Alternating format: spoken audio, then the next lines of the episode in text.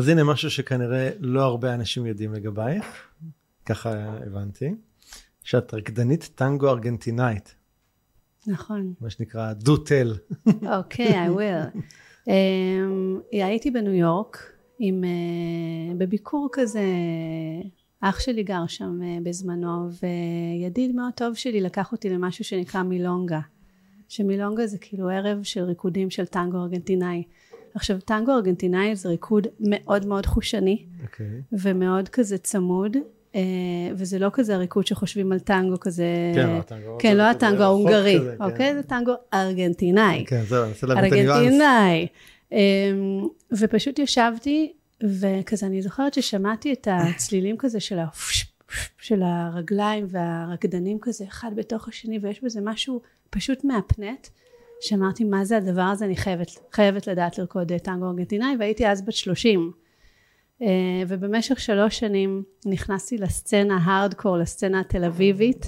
אה, יש סצנה תל אביבית של זה? כן. מאוד מאוד חזקה, וגם בכלל בישראל, זו קהילה של כמה מאות אנשים, ואני פשוט הייתי רוקדת טנגו ארגנטינאי איזה שלוש, ארבע פעמים בשבוע, שיעורים פרטיים וזה, נכנסתי לזה חזק, ואז באותה תקופה שאנשים היו שואלים אותי, כאילו, מה, מה את עושה? השאלה המעצבנת הזאת, אז הייתי אומרת, אני רקדנית טנגו ארגנטינאי. גדול, זה הייתי- את הפה.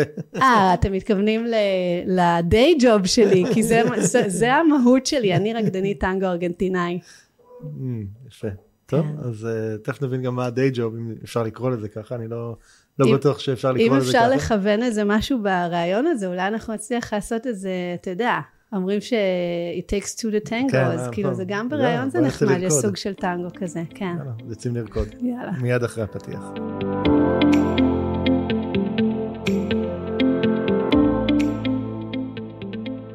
הדבר היחידי הקבוע הוא שינוי. ובכל זאת אנשים רבים חוששים ונמנעים מלעשות שינויים בחייהם. השינוי מוציא אותנו מחוץ לאזורי הנוחות ואל עבר חוסר הוודאות שלרוב מפחיד אותנו מאוד. ובכל זאת ישנם אנשים שמוכנים להתמסר לתהליכי השינוי, ולא רק לשנות, אלא בעיקר להשתנות, ולהמציא את עצמם שוב ושוב מחדש. בפודקאסט עושים שינוי, תוכלו לשמוע את האנשים שמשחקים all in ועושים את מה שצריך, במקום את מה שנוח, כדי לחיות חיים מלאים ובעלי משמעות. בכל שיחה אנו צוללים לעומק התהליכים הפנימיים שהם עוברים, הטריגרים שמפעילים אותם, הפחדים והחששות, ההצלחות, הכישלונות, הפעולות שהם עושים וההתפתחות שהם עוברים. בכל שבוע תוכלו לשמוע את ערן שטרן ברעיונות מרתקים ומעוררי השראה עם אנשים שהפכו את השינוי לדרך חיים. לפרקים נוספים בפודקאסט תיכנסו לאתר doingchange.co.il או חפשו עושים שינוי באפליקציות הפודקאסט המובילות iTunes, Spotify, Google Podcast ואחרות.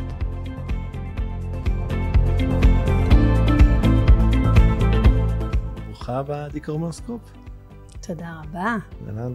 אהלן. אז עדי, יזמת חברתית כלכלית, ארכיטקטית של כלכלות מטבע, מייסדת תנועת השש לקיצור יום עבודה לשש שעות, ממציאה שיטת המתכון, וגם ביחד עם רונן גפני הקמתם אקסלרטור למיזמי העולם החדש דרך כלכלת היצירה המשותפת, וגם אתם מנחים ביחד את הפודקאסט תדר עולמי חדש.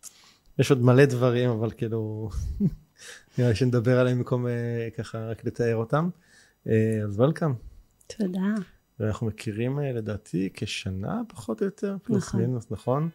נפגשתי עם רונן אני זוכר, ואז אה, אמר לי, ותקשיב יש איזה מישהי, עדי כרמון, סקופ, אתה, יש לה משהו שנקרא מתכון, תעשה, תעשה, משהו כזה, ודרך זה הגענו ועשיתי תהליך, אה, נדבר גם עליו. אבל שאלה שאני אוהב לפתוח איתה זה, מי זו עדי? וואו. חוץ מרקדנית טנגו ארגנטינאית. זהו, זה, ב, זה כבר אנחנו כאילו שמנו איזה רגל אחת שאני רקדנית טנגו ארגנטינאי. אה, אני, אה, אני, אני חושבת שאני בסופו של דבר שאני אני מנסה לתמצת את עצמי אז יש איזשהו משהו שמאוד מושך אותי לגבי כזה לעשות האקינג לדברים. Hmm. כאילו אז עדי אולי האקרית, אבל שלא יודעת לכתוב קוד. אמ, וההאקרית הזה זה בלראות כאילו כל מיני דברים סביבי, מגיל קטן אני זוכרת, ולנסות כאילו לשאול כאילו למה ככה, זה חייב להיות ככה, אולי יש דרך אחרת, וזה לאו דווקא הדרך הכי אה, קצרה בהכרח, אלא היא דרך שכאילו לא, היא לא במיינסטרים. דרך שאתה רואה משהו ואתה אומר אוקיי אבל מה, מה הדבר הבא? מה הקפיצה הבאה? והרבה זמן כזה בחיים שלי כזה הייתי מאוד במיינסטרים כזה תלמידה טובה וכאילו הולכת למקום עבודה מסודר ו- וכאלה.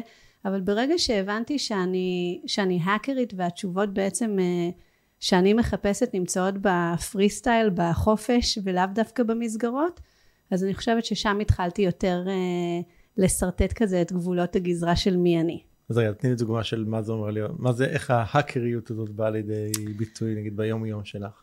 אז אה, קודם כל זה לנסות אה, כל דבר שאני, שאני עושה ואני בוחרת, אז לנסות להבין אה, במודעות למה אני עושה את הדברים. וזה כזה מין שיח פנימי שהוא כל הזמן תחשוב על זה שאתה מסתכל על החיים ואתה מסתכל עליו לא דרך לאו דווקא דרך המבט שלך אלא כזה מין גוף שלישי כזה. אני מסתכלת על עצמי ואני אומרת אוקיי אני רוצה להגיע מהנקודה הזו לנקודה הזו. איך עושים, איך עושים את זה בדרך הכי קצרה? ומתוך המקום הזה סתם אה, דוגמה לזה זה אה, לא יודעת מה עברתי עכשיו דירה אוקיי? אז היא אומרת אוקיי אתה עובר דירה אתה צריך למצוא דירה אף אחד לא נכון. זז אחרי הקורונה יש כזה לא זזים אז איך אתה כאילו אתה עובר מהנקודה הזו לנקודה הזו על ידי זה שאתה עושה איזשהו האקינג לדבר הזה אוקיי okay. סתם, זה, זה איזשהו סיפור שאני עשיתי איזשהו חיפוש, וכאילו עשיתי חיפוש איך שאנשים לא יחפשו את הדירה הזאת. כי הוא לא בשכונה, לאו דווקא בעיר, אבל לא, לא בשכונה, כי יש כזה חיפוש לפי שכונה. אוקיי. Okay. ודרך הלא שכונה מצאתי את הדירה בשכונה, כי אף אחד לא חיפש תסבירי, אותה. תסבירי, לא, לא הבנתי. סתם, אתה גר בשכונה מסוימת, כן. נגיד בכפר סבא ירוקה. אוקיי. Okay. עכשיו היה side story, היה איזשהו, אה, יש אה, סדרה שילדים שלי נורא אוהבים בשם לבד בבית. והדמות, אה, יש איזה ילד אחד בן 15, אז עשו לו כזה מגדת עתידות, ואמרו, אנחנו רואים שאתה בהייטק, ואתה גר בכפר סבא ירוקה, והוא כזה, לא, לא, זה חיים מושלמים. זה המוניטין של כפר סבא ירוקה, אבל שם אני גרה. ובשביל לחפש דירה בכפר סבא ירוקה, אז אתה תחפש ביד שתיים, כפר כן. סבא, שכונה ירוקה. כן. וראיתי שאני לא מוצאת שום דבר. אוקיי. אמרתי, אוקיי, בוא נראה איך לא מחפשים את כפר סבא ירוקה ומוצאים אותה בכל זאת. ומצאתי איך... דירה שבטעות קוטלגה לא ד... תחת השכונה הזאת, אלא תחת שכונה אחרת. גדול. אז כאילו לנסות להסתכל על דברים ולהגיד איך אתה עושה אותם לא בדרך הרגילה. שתביא אותך לת... לתוצאה שאתה רוצה, אבל לאו דווקא בזמן הלינארי ובהרבה מאוד פעולות, אלא כן. בקפיצות ודילוגים. אז זה אני כן. חושבת הדברים שאני כזה מתעסקת בהם. נשמע כמו חלום של כולנו. לאו דווקא, אתה חושב? אני לא בטוחה. נראה לי שהרבה אנשים מחפשים את הקיצורי דרך, את הנוסחאות, את ה... לחתוך את הפינה וכאילו להגיע לתוצאה יותר בקלות. אבל זה לאו דווקא יותר מהר, אלא זה פשוט בדרך אחרת, שהיא יותר כאילו, היא יותר מסקרנת, יותר בחוסר ודאות. זה על האחר? על החוסר ודאות, כאילו לעשות דברים בחוסר ודאות. את אוהבת חוסר ודאות? מאוד. מאוד. זה נדיר. באמת, איזה, מרוב האנשים שונאים, מתעבים וחוששים, מתים מפחד מחוסר ודאות. אני ממש פורחת בחוסר ודאות. למה? למה את אוהבת אה, חוסר ודאות? אמ, אז כשהייתי ילדה, אמ, המשפחה שלי עשתה רילוקיישן לארצות הברית, ממש בסיום כיתה א'. ועד אז, אתה יודע, אתה גר ברעננה, אותו בית, אותו זה, יש לך פחות או יותר את המסגרת, ופתאום אתה נשלף למדינה אחרת. תרבות אחרת, שפה אחרת, כאילו ילדים אחרים, ובארצות הברית להוסיף חטא על פשע, הם כל שנה מחליפים לך את הילדים בכיתה, הם עושים מין ערבול כזה. אה, באמת? זה כן, בהגדרה? כן, בהגדרה. וואלה. זאת אומרת, אתה בכיתה ב' בכיתה מסוימת, ואז בכיתה ג' אתה פתאום בכיתה אחרת, ובכיתה ד' עברתי לבית ספר אחר, ובכיתה ה' עושים עוד פעם ערבול. זה יוצא שכאילו, אתה בנית לעצמך איזשהו אקו סיסטם חברתי, ואיזשהו כזה מוניטין. זה מתאפס לך כל שנה. כן. וואו. ואתה צריך להמציא את עצמך מחדש. זה קשוח לילד. זה קשוח, אבל מצד שני, אם אתה ילד כאפות מכיתה א' עד ו', אז זה מאפשר לך כאילו כן, uh, בדיוק, זה כזה, זה לא מקבע איזושהי דינמיקה מאוד, uh, כי זה גם שנים שאתה כזה, אתה, אתה מכיר את עצמך, כן. זה מאפשר לך כל פעם כאילו למצוא את החברים ואת ה, את הביטוי העצמי שלך מחדש. אני מניח שאם לכל הילדים זה הריסט הזה קורה, אז אולי זה קצת מקל באיזושהי צורה, כי כולם מבינים שצריכים מחדש. אה, נכון, זה קטע, זה כאילו, וואו. זה מוזר, נכון? לא כן. יודעים את זה על יסודי, אני לא יודעת איך זה בחטיבה ובתיכון, כי שם אתה כבר מתחיל להיכנס למגמות וזה, ואז אתה, כאילו הגעתי לכיתה ב', לא מכירה אף אחד, לא מכירה את השפה, אני זוכרת שאיזה שכן צעק עליי, כאילו, אה, לכבות את המוזיקה וזה בכלל לא היה מהדירה שלנו ואתה יודע אתה זר אתה ממש אתה, אתה לא כן. יודע את השפה ו...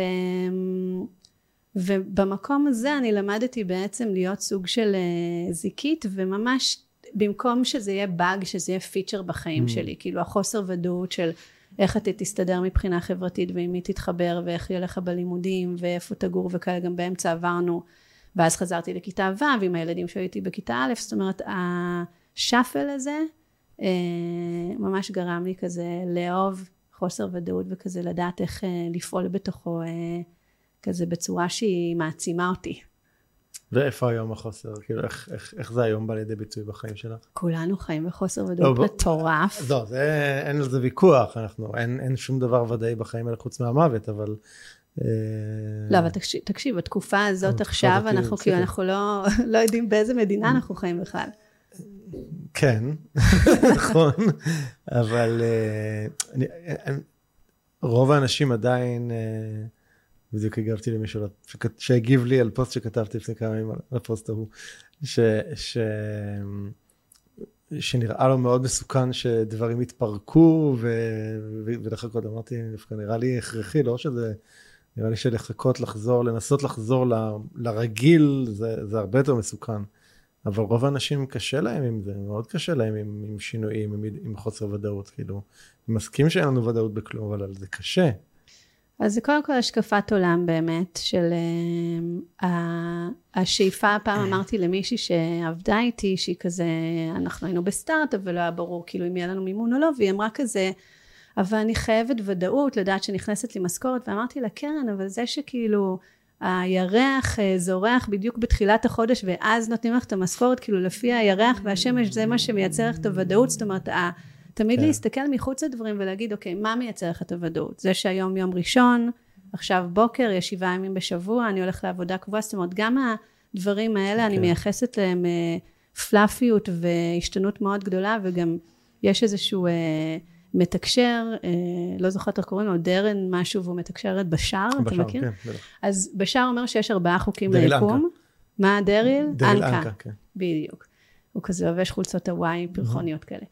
אה, והוא אומר שיש ארבעה דברים שהם כאילו חוקי היקום או משהו כזה, mm-hmm. ואחד מהם זה כאילו חוץ משלושת החוקים האלה, אני לא אגיד אותם, נעשה טיזר אה, לבשר, אבל של... חוץ משלושת החוקים הקבועים האלה, החוק הרביעי זה שהכל משתנה והכל דינמי, ואני חיה לפי זה.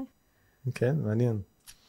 אה, קודם הייתה לי שאלה פה של איזה ילדה היית, לא יודע למה התבקש לי לשאול את השאלה הזאת, אני קצת דיברת על הילדות, אבל בכל זאת איזה, ילדה היית? הייתי כזה עשירה בחוגים, זאת אומרת הייתי ילדה עסוקה. אה, באמת, עשיתי מיליון חוגים אה, כזה קראטה והתעמלות קרקע וסטפס וג'אז ושחייה וטניס והייתי כדורסלנית מלא שנים.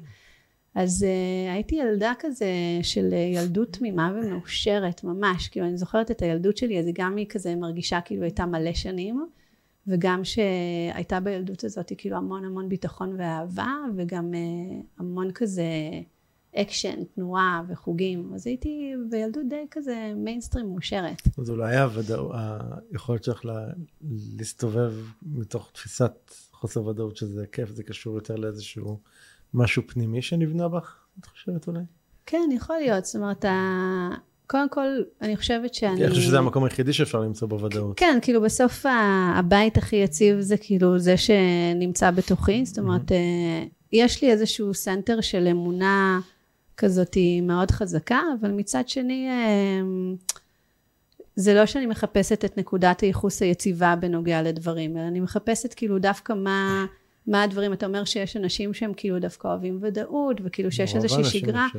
כן, אבל יש גם את אלו שהם כזה כמו הפרסומות של אפל, שהם מחפשים, לא לשבור, אני לא מחפשת לשבור את המסגרות, אבל אם המסגרות נשברות, אני כן מחפשת שיהיה איזשהו, אה, איזושהי אלטרנטיבה. זאת אומרת, אני, נניח בפודקאסט שלנו, אה, של רונן ושלי, אז קוראים לזה תדר עולמי חדש, אה, אנחנו משרטטים איזושהי מציאות אלטרנטיבית אפשרית. Mm-hmm. אז כאילו להסתכל, אוקיי, אנחנו עכשיו אנחנו על הפסי רכבת האלה, אבל בוא נראה אם חס וחלילה הרכבת אה, כזה תתחיל לקרטע, אז בואו נראה לאן אנחנו עוד יכולים ללכת ואיך אנחנו יכולים כאילו להקפיץ את עצמנו אה, לשלב הבא. אז דווקא זה לא ממקום של, אה, של שבירה ופירוק, זה יותר ממקום של אה, אני בטוחה שדברים יישברו בסופו של דבר, והשאלה כל הזמן זה מה הדבר הבא, ודווקא הבאג בדבר הזה, זה שאני תמיד מרגישה שאני כזה, אני כבר בדבר הבא, ואז שהדבר הבא מגיע, אז זה כבר משעמם אותי, כן. אז אני כבר בדבר הבא, ואז יש איזשהו כזה אה, מין אה, פרדיגמה כזאת, או חטא כזה, שאתה אתה אף פעם כאילו לא נמצא לקצור, אתה, לקצור, לקצור את הפירות, אתה וואי, תמיד רק מאוד, זורע, מאוד, זורע, מאוד, מאוד זורע, יכול להזדהות עם הדבר הזה, וואלה. אני מאוד, זה, זה, זה, זה, זה אני, אני מאוד כזה גם כן. אמ, אז אולי תספר, ערן. מה? כאילו מה, כי זה מעניין אותי כאילו אני, לחוות אותך ולראות. אני גם כאילו, כאילו המון, אה, אני, אני משתעמם מאוד מהר, אני משתעמם מאוד מהר. ואז אה, קשה לי, קשה לי להישאר באותו מקום אה, הרבה זמן. אני, היום אני מבין את זה, בהתחלה לא כל כך הבנתי את זה, אבל אפילו אם נסתכל עוד על השנות השכירות שלי, הייתי תשע שנים באינטל, עשיתי שישה תפקידים בתשע שנים, כאילו זה, זה, זה הרבה, זה כל שנה וחצי בממוצע להחליף תפקיד, זה, כן. זה הרבה. אמ, שלושה מהם אגב, שלושה התפקידים האחרונים שלי המצאתי לגמרי, זאת אומרת הם לא, לא החלפתי מישהו, המצאתי, המצאתי פעילות, המצאתי תקן, כאילו. כאילו זה להיות היזם זה בתוך קורפורט כזה. בדיוק, בדיוק, זה בדיוק, להיות יזם בתוך ארגון. אמ, וגם מאז שיצאתי לעצמאות לפני כמה, 17 שנה, משהו כזה, אז אמ, עשיתי מיליון דברים שונים. עכשיו, זה כאילו מצד אחד אתה יכול להגיד, כאילו, שום דבר שבניתי לא כאילו הגיע, ועכשיו, זה לא, אני כאילו, אני גם... כמו שאני יודע לבנות, אני גם יודע לפרק, אין לי, אין לי attachment. אני גם ככה. אין לי attachment לדברים, זאת אומרת, אני רואה הרבה אנשים שעושים משהו שהם כבר לא נהנים ממנו, הם כבר לא אוהבים אותו, זה כבר אפילו, לא נגיד סובלים בו, אבל בגלל איזושהי מחויבות לרעיון, למה יגידו, לאיך זה נראה, לכל מיני כאלה, אז הם מאוד נצמדים ונשארים בזה. אין, אין לי attachment. אני... אני חושבת שזה החידוד של החוסר ודאות. זאת אומרת, אה, היכולת כל פעם להיות מונע ו- וכאילו לנוע על ידי הסקרנות ולאן ה... אתה יודע, לאן האש שלך, לאן התשוקה שלך, קצת כמו בטנגו באמת, לאן, כאילו בטנגו האישה היא עוצמת עיניים, mm, סומכת בטראסט מלא על הגבר, והולכת אחורה על קצות האצבעות. זאת אומרת אין, אין יותר uh, התמסרות ללא נודע מזה ולפעמים יש כזה פרטנרים שהם לא כאלה טובים והם כאילו את חוטפת איזה עקב של, אה, של רקדנית לידך. אז אני חושבת שה, הזאת והלא לשקוט על השמרים אלא ממש אה, להיות במקום שבו אתה הולך באמת אחרי ה passion שלך אולי זה לא החוסר ודאות, אלא זה התנועה הזאת המתפרצת מהפנים אל החוץ, שאומרת, אבל זה לא מדליק אותי יותר. כן. כאילו, אז מה הדבר הבא שמדליק אותי, וכאילו למצוא את עצמך שם, בלי אה, להנדס איזה אסטרטגיה סביב זה. ואז באמת, ה downside של זה, זה שאתה לא בונה מפעל, כאילו, וכזה... אלא אתה כל הזמן כזה פותח ציר לדבר לא, הבא. זה, זה כאילו להיות כל הזמן רק בשלב של הסטארט-אפ כל הזמן. נכון, ככה, ככה סטארטר אני, כזה. כן, עכשיו אני יודע על עצמי שאני מאוד טוב בשלב הזה. אני מאוד מאוד טוב בשלב הזה. אה, אז לאורך שנים גם למדתי שאוקיי, אני יודע, אני טוב בשלב הזה, אז אני צריך מישהו לידי שידע לקחת ולהמשיך את זה נניח משם. אמ, אבל עדיין כאילו זה, זה הוביל אותי להרבה שנים של תסכול מזה, תסכול מעצמי, כאילו מה אתה לא מסוגל להתמיד בדברים. וואי גם כאילו... אני, תקשיב אני זוכרת שנכנסתי אה, ביום הראשון עבדתי ב-888 שזה אונליין גיימינג, ונכנסתי ביום הראשון ואמרתי עדי את כל שנתיים, את כאילו, את, את בעוד שנתיים תשנאי את המקום הזה, בבקשה, בבקשה תישארי, זה מקום טוב, הוא נראה ממש טוב, האנשים נחמדים, כאילו, בבקשה, כאילו, הייתה לי איזושהי משאלת לב, אבל כשאתה בן אדם, אתה ואני, אנחנו הרי יודעים ששנינו, אה, אחד היסודות המובילים שלנו זה אש, אז כשאתה בן אדם של אש, אתה אחרי כמה זמן בתוך המערכת, כאילו, אני תמיד מגיעה נניח למערכת, אז כזה מסתכלים עליה ואומרים, hmm, אוקיי, כאילו מגניב, היא כזה רוצה שינויים ועושה דברים ובאה עם כזה רוח רעננה והכל. זה נמשך כזה חצי שנה, שמונה חודשים, ונותנים לי כזה לעשות, כאילו להיות באמת היזמת בתוך הארגון, הייתי בהרבה קורפורטס, ואז אחרי שמונה חודשים אומרים לי, את לא יכולה להתנהג ככה, אסור לך לעשות ככה, זה לא התהליך הנכון, את צריכה ליישר קו, וכאילו אני מרגישה לאט לאט, אתה יודע, מה זה סוגרים עליך, שאתה ממש, אתה, לאט לאט אתה הולך ומצמצם את עצמך, ובסופו של דבר אתה מרגיש שכאילו איזושהי הורדת ידיים של מי, איזשהו מאבק, מי ינצח, הנשמה כן. שלי והנפש שלי החופשייה והרקדנית, או המקום שאומר לך כאילו זה מותר וזה אסור, ובאמת אני חושבת עם השנים, הנושא הזה של להבין שאני מונעת מתוך אש וסקרנות ותשוקה, ובאמת זה כאילו זה ממש ממש זה, זה כאילו זה, זה בשנות השלושים התחיל אה, להתחבר לי וזה באמת אז שהתחלתי לרקוד טנגו והכל אתה מתחבר לאיזשהו מקום של אה, אוקיי אז אני עם הידיים על, ה, על ההגה ו, ואני מנתבת את, ה, את החיים שלי לפי המקום שבו אני לא מתפשרת על, ה, כן. על התשוקה שלי ועל עצמי. כן אבל יש לזה מחירים. בוודאי. כן. יש לזה מחירים. מה איזה מחירים את יכולה לראות ששילמת או משלמת על זה?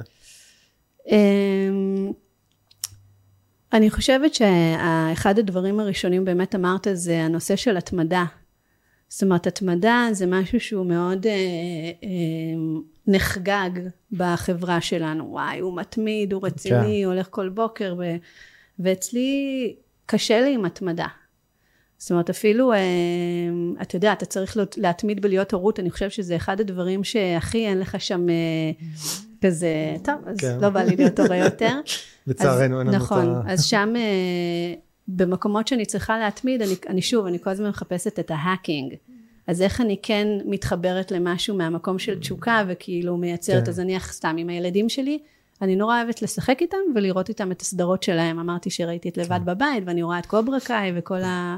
מה שהם רואים, וכאילו חלק מההתמדה שלי בזה שאני מוצאת מתוך המסגרת את הדבר שאני כן יכולה כאילו להתחבר אליו. להתחבר אליו.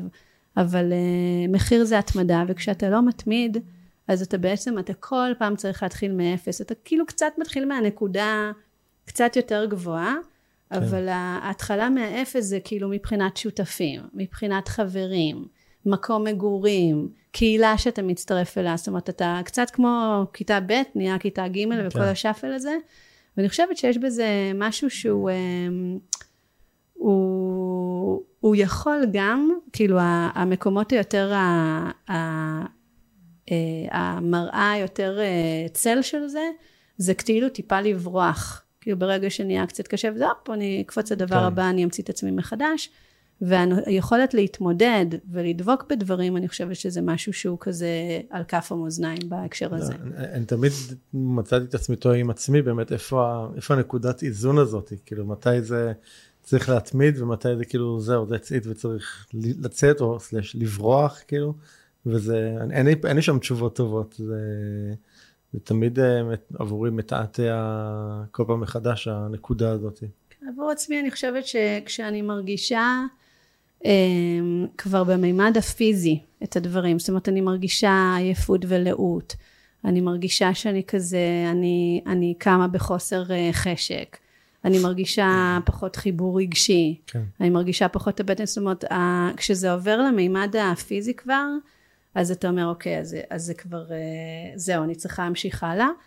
אמ, כן כאילו זה אני חושבת שזר לא יבין אמ, איך זה, זה גם הרבה פעמים מרגיש מאוד לבד ושל חוסר כן. שייכות, נכון? כי כן. כשאתה פורץ את המסגרות ואתה הולך לדבר הבא, תמיד להיות לבד. אז אתה, כן, אתה שם לבד ומתחיל כזה לעשות את זה כמו שאנחנו עושים עכשיו בסטודיו ביחד, כאילו מתחילים ללקט את השבט שלנו, אבל זה, אתה לא רץ עם אנשים שהם כבר כזה 20 שנה, they got your back כזה, אתה כל פעם צריך כן. לבנות את האמון מחדש. יש בזה, יש בזה הרבה התפתחות בנתיב הזה. לגמרי, אני, אני ככה, אמרת קודם ככה כמה מילים שכאילו ככה יצרו לי איזשהו אה, משהו שאני מאוד מאוד מאמין בו, זה שזה איך לזהות מתי הנשמה שלנו רעבה לשינוי. Hmm. אוקיי, עכשיו, כשאנחנו, אתה יודע, כשאנחנו רעבים לאוכל, זאת אומרת שהגוף צריך אוכל, אז, אז הוא יוצר בנו תחושת רעב מאוד ברורה, ואנחנו יודעים לחבר ולהגיד, אוקיי, אני עכשיו רעב, זה אומר שאני צריך לאכול, נכון? אבל אנחנו לא תמיד מחברים את הנקודות האלה בהקשר של הנשמה, אבל כל הדברים ש, שתיארת, שזה באמת תסכול וחוסר סיפוק וחוסר שקט ושעמום ועייפות ולאות וכל ה... ופיזי לגמרי, זאת אומרת סימנים פיזיים זה לגמרי, זה הכל סימנים שהנשמה שלנו רעבה לשינוי. היא אפילו, היא, היא עוד צעד אחד לפני רעבה לשינוי, אני, אני כאילו, אני חווה את זה גם עם אה, חברות שלי ואנשים שבאמת באים לעשות את המתכון, זה יותר מקום של אה, אני מרגישה שאם אני ממשיכה ככה, אז זה כמו, אני, אני מתחילה כאילו לטבוע בתוך איזשהו כן. חול תובעני, משהו שמושך אותך למטה, זה עוד לפני הדבר הבא של כן. הנשמה רעבה, זה כזה, אני, אי אפשר להמשיך ככה, ו, ומה מה ש... זה, זה באמת זה מגיע למימד שבו כשאתה מתחיל לראות כל מיני דברים כזה פתאום אתה שובר את הרגל נניח היה מישהו שהגיע אליי שהוא כזה שבר את הרגל וכאילו היקום אמר לו עצור לגמרי כן. והוא לא יכל לקום אה, ולהמשיך יותר זאת אומרת הדברים מתחילים בקטן ונמשכים חס וחלילה כן בממש לגמרי. אה, מחלות ודברים שהם אה, מעבר לזה אז אני חושבת שכאילו ה, לפני הרעב זה פשוט להסתכל על זה שכאילו יש ביומן או יש את החיים החיצוניים לך ויש את הפנים שלך וכאילו יש איזשהו חוסר אליימנט, חוסר סינכרון כאילו. אצלי ראיתי את זה כזה משהו כמו סוג של תחושה שאני חי חיים שהם של מישהו אחר, כן. חיים שהם לא שלי. כן. לגמרי כזה. גם כזה, ומאוד מתחבר למה שאמרת על מחלה, אני מאוד מאמין שמחלה זה כבר ביטוי, נקרא לזה ברמה הבאה, של זה שהנשמה רוצה וצועקת לשינוי, פשוט לא, לא קשובים. את יודעת, אני, בתקופה שעבדתי באינטל, אני זוכר ש... הייתי במין מצב כל כך אינטנסיבי שהייתי חולה רק כשהייתי יוצא לחופשות. כן. מכירה את התופעה? בטח, בטח. ו... שהגוף כזה אומר, כן. היי, אפשר לנוח. הוא בחופש, כי אני יכול להתפרק, כאילו. לגמרי, כזה. כן. ואני זוכר שזה פעם אחת, תמיד, תמיד זה היה איזשהו סוג של שפעת, כן? היום בטח היו קוראים לזה קורונה והייתם סגרים, אבל אז קראו לזה עוד שפעת, שהיינו שקועים. ו... ו... אני זוכר את זה פעם אחת שכן אז חליתי זה היה לי קצת חול ואת יודעת ונזלת ושיעול וגרון וכל זה אבל אז הייתי בבית אבל המשכתי לעבוד. וואי. והייתי מדבר עשיתי שיחות ישיבות בטלפון והייתי במחשב וזה וזה וזה ואז אחרי כמה ימים כאלה פשוט נעלם לי הכל. פשוט נעלם לי הכל והייתי ככה שבועיים כאילו פשוט כאילו הגוף סתם לי את הפה במשך שבועיים אמר לי. יש לי סיפור בדיוק הסיפור מראה של זה הייתי בהשקה של איזה משהו עם שותפים שזה כאילו לא היה זה היה חלום שלהם יותר משלי. אבל זה מה שגרם לי לצאת לעצמאות ולא להמשיך להיות בקורפורט שזה היה כזה חיובי ברטרוספקטיבה. עמדתי על במה מול איזה 300 איש השקנו איזה משהו למחרת כי היה לנו עוד מלא פגישות עם משקיעים וזה למחרת פשוט יצא לי בלט דיסק כן שאף פעם לא היה לי בגב כן. פשוט שלושה שבועות לא יכולתי לקום מהמיטה. ו, ואז נשאלת השאלה, אתה יודע, קודם כל, כשיוצא המצב הזה, האם אתה מבין כבר את הרמז? כן. זה גם כן לא כולם. נכון. אוקיי, האם אתה באמת מבין, אוקיי, היוסטון יש לנו בעיה. ורגע אחד לפני, זה נורא נורא קשה, כשזה לא מגיע למקום הזה, שכאילו אין לך תירוץ אמיתי של להגיד, תקשיבו כן, חבר'ה, ואני אני, נכון. כאילו, אני במיטה, מה אני יכולה לעשות?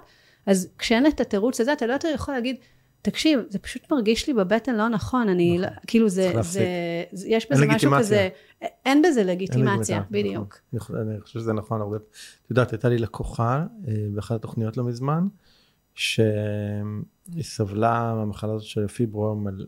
פיברומיאלגיה. כן, כן. איפה אני מצליח להגיד את המילה הזאת נכון. אה, וכשחקרנו אחרי תקופה של כמה חודשים בתוכנית וחקרנו את הדבר הזה איתה כאילו ראינו שיש שם ממש סוג של היאחזות מבחינתה בדבר הזה, במחלה, ואז כשרגע הסכימה לחקור את הדבר הזה בכנות, היא הודתה שכשיש לה איזשהו התקף של כאב, זה הפעם היחידה שהיא מאפשרת לעצמה להיכנס לחדר ולא לעשות כלום מול, מול הבעל, מול הילדים וכולי, ולקחת זמן לעצמה לנוח. זאת אומרת, כן, המחלה... ואז זה נהיה exit strategy של הגוף, להגיד, טוב, כן. אני לא יכול יותר, כאילו, אז בואו נפעיל את הכאב הזה, כן. בסוף, אתה יודע, אנחנו כן. נשלטים על ידי הרבה מאוד דברים שהם לאו דווקא הראש האסטרטגי שלנו. כן, זה ממש אה, ככה. אני חושבת שמה שמתסכל, אם אני הייתי עכשיו מאזינה לזה, mm-hmm. זה, אתה יודע, כולנו, אני לפחות, אני אדבר על עצמי, אני הרבה פעמים שוקעת ב... אני יודעת שאני צריכה להוציא את עצמי מהסיטואציה הזאתי, אבל אתה מחכה לאיזשהו גל שהגיעו לך כוחות. כן. ואתה יודע מה למדתי? למדתי להתמסר, יש לי כאילו ממש תקופות, אם אני מסתכלת לאחור, נניח לפני שהקמתי את אמץ רופא, אה, לפני הסגר הראשון של הקורונה, כתבתי כזה, זה היה נובמבר 2019, אה, כתבתי לחברות שלי מאיזה חוג יזמיות, אני ממש, אני מרגישה שאני שוקעת בדיכאון, בדיוק הסטארט-אפ שהייתי בו אה, נסגר. ואני מרגישה שכאילו איבדתי את הכיוון שלי, ואני יודעת כאילו מה השליחות שלי, אבל אני לא יודעת איך להגיע לשם, שזה תמה חוזרת, כאילו mm. אחת לכמה זמן כאילו חוזר לי הדבר הזה, כי זה כזה מתחיל, כן. זה כאילו הטריגר שמתחיל אה, איזושהי אה, תנועה, בדיוק, אז אני גם למדתי, שאני כבר מתחילה עם הדכדוך הזה להגיד, רגע, ברטרוספקטיבה, בדפוס שלי, הדכדוך מתחיל משהו טוב, כי אף אחד לא קם ועוזב משהו נוח ונעים נכון. ומתגמל וטוב. נכון. אז דווקא כשאנחנו מונעים מתוך החסר הזה, ו... וממש אה, אני למדתי עוד, עוד אז, כאילו ב-2019 בקורונה, עוד לא התמסרתי את זה עד הסוף, אבל מאז נניח היו לי עוד שלושה גלים כאלה, למדתי להגיד לעצמי, וזה ממש במלחמה קשה, את עכשיו את בדכדוך, את נשארת בבית, את כאילו, את, את מדוממת מנועים, ופשוט מאפשרת לעצמך להיות שם. וזה מאוד, כל פעם, למרות שאני יודעת שזה הדפוס כן. שלי, זה כל פעם מאוד קשה, מאוד, מאוד קשה. מאוד קשה. אני עכשיו סיימתי תקופה כזו של קרוב לחצי שנה, של להיות במקום כזה של לסיים ולפרק דברים ולסיים דברים, ול... ו, ובלי שאני יודע לאן, לאן זה לוקח שם, סופר קשה, אני מתחבר גם לעניין של הדיכאון שאמרת, כאילו גם את זה עברתי שם בתוך זה, ואני חושב שזה בטוח מצריך איזשהו אומץ להיות במקום הזה, במיוחד אני חושב אחרי שאמרתי לוורד איזה יום אחד, כאילו, קמתי איזה בוקר במין תחושת, אה, לא יודע איך לקרוא לזה, מין חוסר משמעות וחוסר, אה, חוסר הכל בגדול, אבל זה מין, אמרתי לה, אני כאילו, חוסר כיוון, חוסר משמעות, חוסר תוחלת, כזה. Mm-hmm. אני חושב שבמיוחד עבור גבר להיות בלי מטרה. כאילו חסר תכלית כזה. כן, זה כן. מין כזה מקום מאוד... אה, מאוד מאוד לא פשוט, זה, זה ממש ככה, ממש טלטל אותי קשה הדבר הזה. אבל uh, אני חושב שהמילה שאני מתחבר במה שאמרת כאן, זה באמת זה ההתמסרות. להתמסר לדבר הזה, לא לנסות להילחם בזה, לא לנסות לתקן את זה, לא לנסות לפתור את זה בשום צורה, אלא ממש רגע להיות עם כל מה שמגיע. ואז התחילו, התחילו להופיע כל מיני דברים, ואז גם אנחנו הכרנו באיזושהי צל, כאילו, גם הרבה פעמים כאילו, כזה הסביבה שלך אומרת, אבל יהיה בסדר ותראה, אבל אתה בריא ויש לך אישה מהממת, וכאילו מנסים ישר אה, כאילו לעודד אותך, כן. במקום פשוט להכיל את המצב הרגשי שאתה נמצא בו. כי, כי שוב, זה מקום של כאילו אין לגיטימציה רגע להיות במקום כזה. כן. כי זה נתפס כאילו מקום לא טוב, ואני חושב היום בדיעבד מהחוויה הזאת שלי, זה, זה מקום מעולה להיות בו. אה, כי הוא באמת אה, עבורי, הוא אפשר...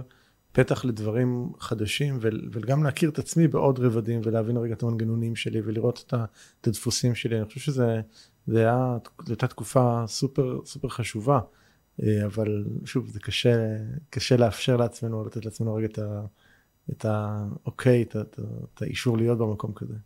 אני צריך פתק מאימא. הייתה לי פעם לקוחה שגם הייתה בדיוק בנקודה הזאת, ועכשיו את יודעת, לייעץ לאחרים זה תמיד הרבה יותר קל. אז אמרתי לה, יש לך אישור ממני לא לעשות כלום. רשמתי לה פתק, היא עדיין שומרת אותו. יש איזה ממוסגר בבית כזה שהיא יכולה לשבור את הזכוכית רק במקרים קיצוניים. לפני כמה חודשים היא ראיינה אותי בפודקאסט שלה והיא הראתה לי את הפתק הזה, היא שומרת אותו, נתתי דף קרוע. אמ, אני חושב שאחד השינויים ככה גם ככה שדיברת עליהם קודם, יכולתי, של, של צריך להתחיל רגע מחדש ולחברים חדשים וקהילה חדשה וכל זה. אמ, אני יודע שעבורי אחד ה, באמת הדברים שעשו לי ריסט מאוד משמעותי בחיים ואני ממה שככה קראתי גם אצלך זה היה גירושים. Mm-hmm. שזה בעצם באמת, אה, זה לא רק להיפרד מבן בן או בת זוג, זה נפרדים אה, מהרבה הרבה הרבה דברים אה, ביחד עם זה. נכון. צריך לדבר? זה... אה, זה אצלי מאוד מאוד טרי, אה, כן. זה קצת יותר משנה, אז אני אתייחס יותר לחוויה שלי אחרי זה ופחות כן.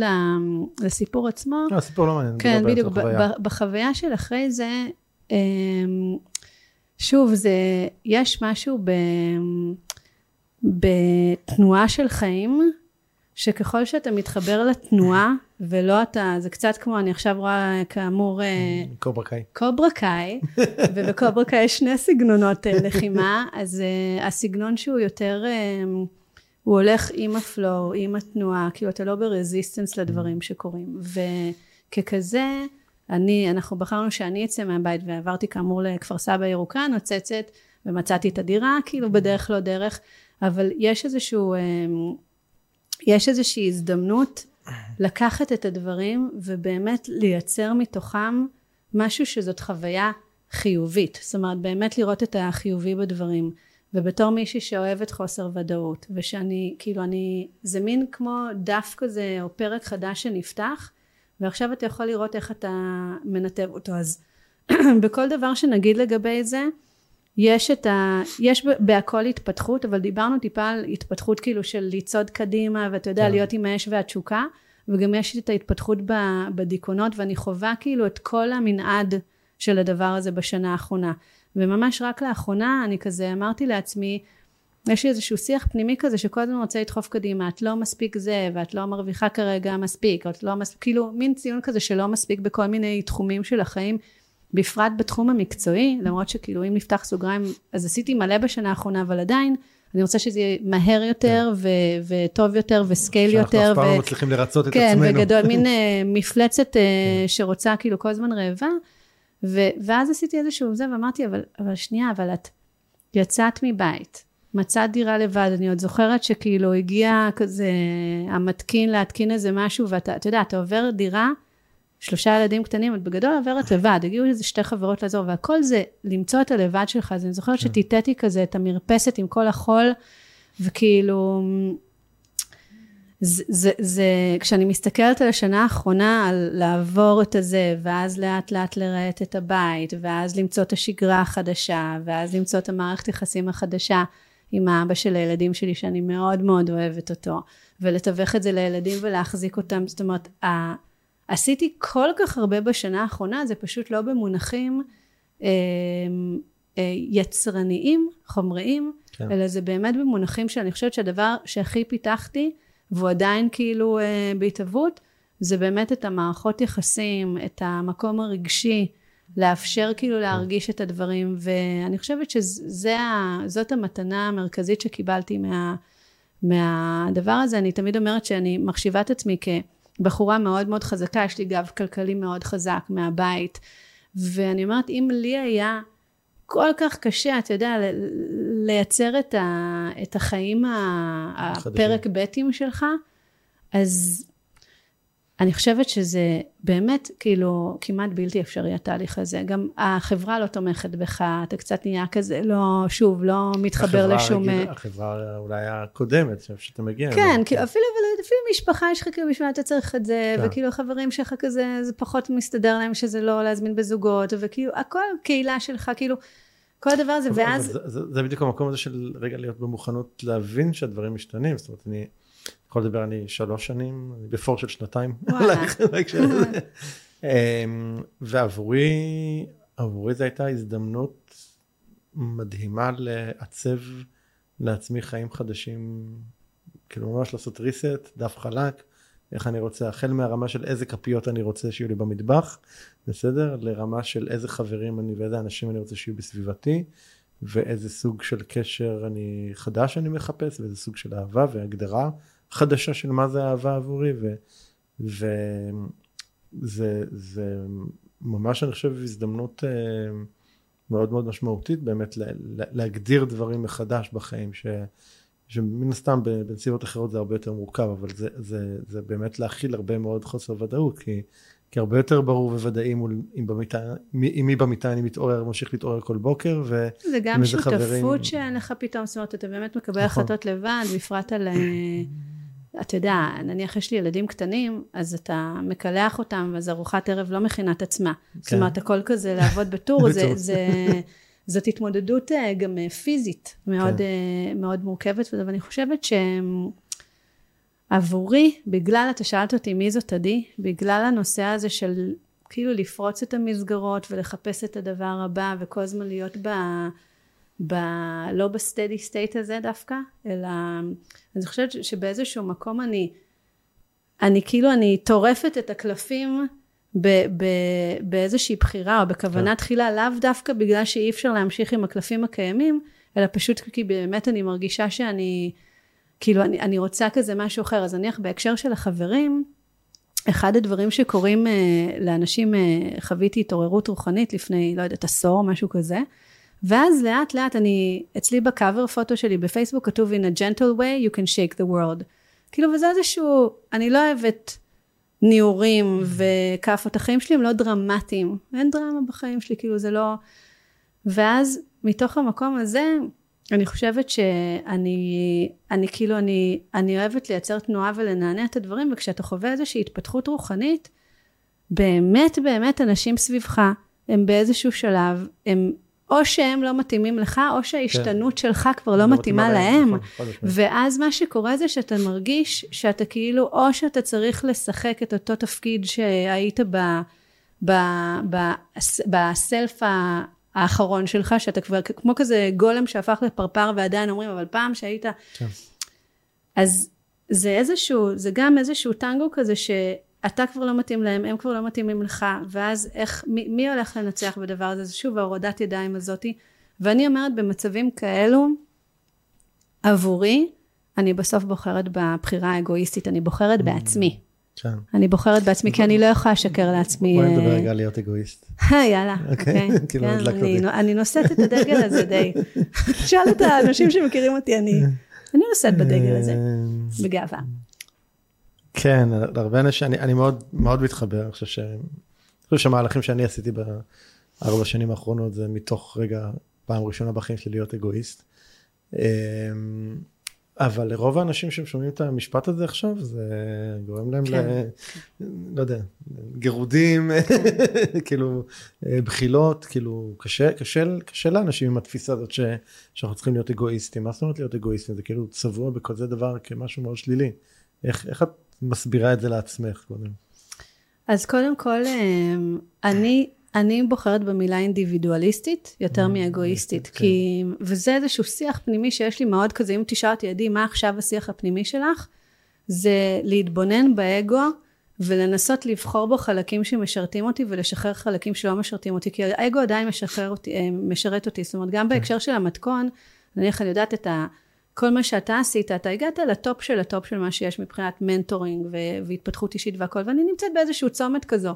האם אני בוחרת להיות מנטורית וגורו כן, וכאלה, או שאני, או שאני הולכת למסלול אחר, ו, ואני אגיד לך את האמת, זה כיף כאילו שאנשים מעריצים אותך, ו, ושיש לך פולורוז, אצלי זה לא ב, בעשרות אלפים, אבל כאילו יש איזשהו, אבל מצד שני, אתה רוצה להיות מוקף באנשים שהם קבוצת השווים שלך.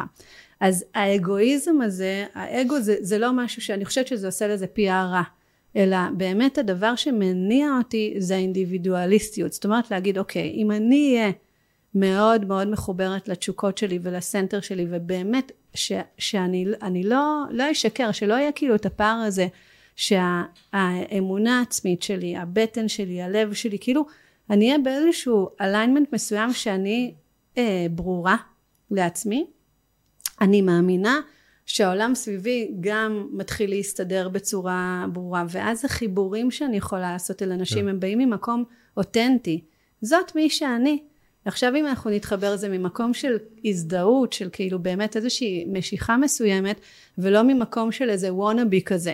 אני wannabe גורו, אני wannabe whatever, אני wannabe רוחני, לא משנה מה. אז הבחירה באינדיבידואליזם היא קודם כל בוא נמקם אותי בתוך הפאזל הזה האנושי, ואז נראה לאיזה סוג של אנשים אני מתחברת, ובאמת זה נורא מעניין כי אתה רואה שאנשים סביבך, פתאום אתה יכול לנהל שיח עם אנשים שבאים אליך, לא יודעת מה, לארוחת ערב כזה, שהוא שיח עמוק, הוא שיח של כן. חיבור מעמיק, הוא שיח של פגיעות, הוא שיח של מה לא הולך לי בחיים, או איפה אני מרגישה שכאילו אני, אני מצטמצמת ולא ב... זאת אומרת, מחברת את זה לבחירה בלהיות אגואי, לכאורה כן, אגואיסטית? כן, okay. כן, מעניין. בגלל שאחרת אתה, אתה מחזיק כאילו איזושהי דמות שהיא דמות של, של המון, המון כזה... מראות שאחרים מחזיקים שלך, כן. ו- ובאיזשהו שלב אתה רוצה לעשות אינטגרציה ולהגיד, זאת אני, ו- ואתה יודע, ויש אנשים שהם, אה, לא בא להם לבחור בך ב- בסלף הזה שלך, ויש אנשים שכן, אז מהמקום הזה אני חושבת שהפרספקטיבה שלי על החיים השתנתה. שהכל כזה מאוד דינמי ואני מסתכלת על הדברים כזה ממבט שלישי, אני מסוגלת כי הוא הסתכל מלמעלה ולאו דווקא לייצר attachment לחפצים או כן. לדירה או, או, או גם לא לאנשים, בדיוק. בדיוק, וגם לא לדמות שלי. אני גם לא אה, מייצרת לה attachment. זה גם, אה, גם אה, משהו מעניין, אוקיי. כי יש לנו, תמיד יש לנו איזשהו סוג של פרסונה שנמצאת שם בחוץ, כן? שאלה כמה אנחנו קרובים או רחוקים ממנה, אבל תמיד היא קיימת שם. וזה באמת המוכנות הזאת של להשתנות כל הזמן, זה גם לא להיות ב-attachment לפרסונה הזאת. זה נכון. משהו שאני חושב שהוא עבורי כאילו היה תהליך מאוד, מאוד מורכב. אה, אפילו, אפילו סתם כשעזבתי את אינטל אני זוכר שאחד הדברים שהעסיקו אותי מחשבתית זה בעצם רגע מי אני בלי הכרטיס ביקור של אינטל. ובלי הטנביס, איפה אני אוכל גם. איפה אני אוכל, חדר אוכל זה לא הבעיה, אבל למי מתקשרים כשהמחשב מתקלקל. ולאיזה משפחה אתה שייך, אתה כבר אומר, אתה יודע, תמיד זה, אני הייתי במשפחת אורנג', הרבה, אני באה ממשפחת אורנג' פשוט. אמ, כן, הנושא של, אה, הנושא של attachment זאת אשליה. אה, אין לי גם attachment לא למפלגה ולא לזמר ולא, כאילו, כן. זה עניין של להבין שאתה כמו... איך אומרים attachment בעברית?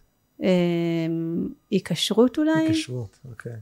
כן, שאתה כאילו, אני גם מייחסת לזה הרבה אה, נושא של נוסטלגיה, זאת אומרת, אני גם, נכון. אין לי כל כך זיכרונות, אולי זה גם אצלך, כאילו, אני לא כזה, אה, קוראים לזה רמיניסינג, אני לא כזה מהרהרת ומתענגת על, אה, על העבר, זאת אומרת, אין לי את זה ב, ב, בזיכרון שלי או בחשיבה שלי, ולכן אה, ההיקשרות היא כזה, אז איפה אני עכשיו? אז עם מי אני עכשיו? זאת אומרת, זה, כן. זה באמת, זה, זה בעכשיו, וזה לא ממקום זן, אז זה פשוט ממקום של כאילו, לא יודעת, ככה בנוי המוח שלי, שאני כזה, אני כאילו, אני אומרת, אוקיי, כל מה שקרה, קרה, אני פה, כאילו, ועם הפנים קדימה כזה. כן. ואז ההיקשרות שלי אל עצמי, אני לא כל כך זוכרת כאילו ש... מי אני ומה אני, כאילו, אתה שואל מי זאת עדי, לא יודעת, כרגע אני כאילו, כרגע אני... זה, אגב, אני כרגע אני מתעסקת באגו, בדיוק, אני כרגע מתעסקת באגו, אתה יודע, יש, יש כל מיני, אה, כשאתה ממציא שיטה, אז זה כאילו, אנשים אומרים, אוהבים להגיד, זה ה baby שלי, שזה משפט מזעזע מבחינת זה שהוא, כאילו, יש לי כמה תינוקות וגם הם, מה שנקרא, אני לא המצאתי את הנשמה שלהם, רק את הגוף הביולוגי, אבל כאילו, אז כשאתה ממציא איזושהי שיטה, זה איזושהי אה, יצירה משותפת עם, עם משהו שעובר דרכך, נכון? איזושהי השראה, כן. כמו מוזיקאים שפתאום עולה בהם כן. איזשהו שיר, אז אותו דבר עם שיטה. ואז כשאתה פוגש כל מיני אנשים שמתחילים לקחת את השיטה שלך וקצת לשנות את זה ולעשות, ואפילו לעשות את זה יותר מוצלח ממך, זה פוגש את האגו שלך בוא. במקום מאוד מאוד uh, קשה. אז זה איפה שאני נמצאת עכשיו, כאילו האגו שלי הוא כזה, הוא, הוא חלק ממני, אבל יש איזשהו שיח של לבחון מה מידת ה... Uh, מה, מה הנפח שהוא תופס בתוך השיקולים שלי, בתוך הבחירות שלי, בתוך ההחלטות שלי, ואם אתה שואל אותי מי זאת עדי עכשיו, היא, היא בדיוק מתעסקת בנושא הזה של האגואיזם והאינדיבידואליזם והסוליסטיות, ומצד שני היצירה המשותפת והחיבור לאנשים, כן. וזה כזה מין, גם אני רואה את זה עכשיו במצב במדינה והכל, זה, אני חושבת שכולנו עוברים איזשהו סוג של לנסות כאילו לעשות חוזה חדש עם עצמנו, מי אנחנו ובמה אנחנו... כן, אה... אני, אני לא בטוח שכולם מסתכלים על זה ככה, אני חושב שהרבה מנסים... ככה אני גם מסתכל הרבה על מה שקורה עם המחאות וכולי, אני חושב שהרבה מנסים להחזיר את המצב לקדמותו, ולאו דווקא מתוך מקום של אה, חוזה חדש, או להבין, אולי צריך פה משהו חדש. אז, אז אני לא בטוח, ש... אני לא בטוח שתודעתית. הרבה נמצאים ב... בהקשר של שקורה במדינה נמצאים במקום הזה. אני חושבת שבהתחלה של, תה... יש התחלה של כן. תהליך, כן. אני חושבת שבסופו של דבר, אם יש משהו ש...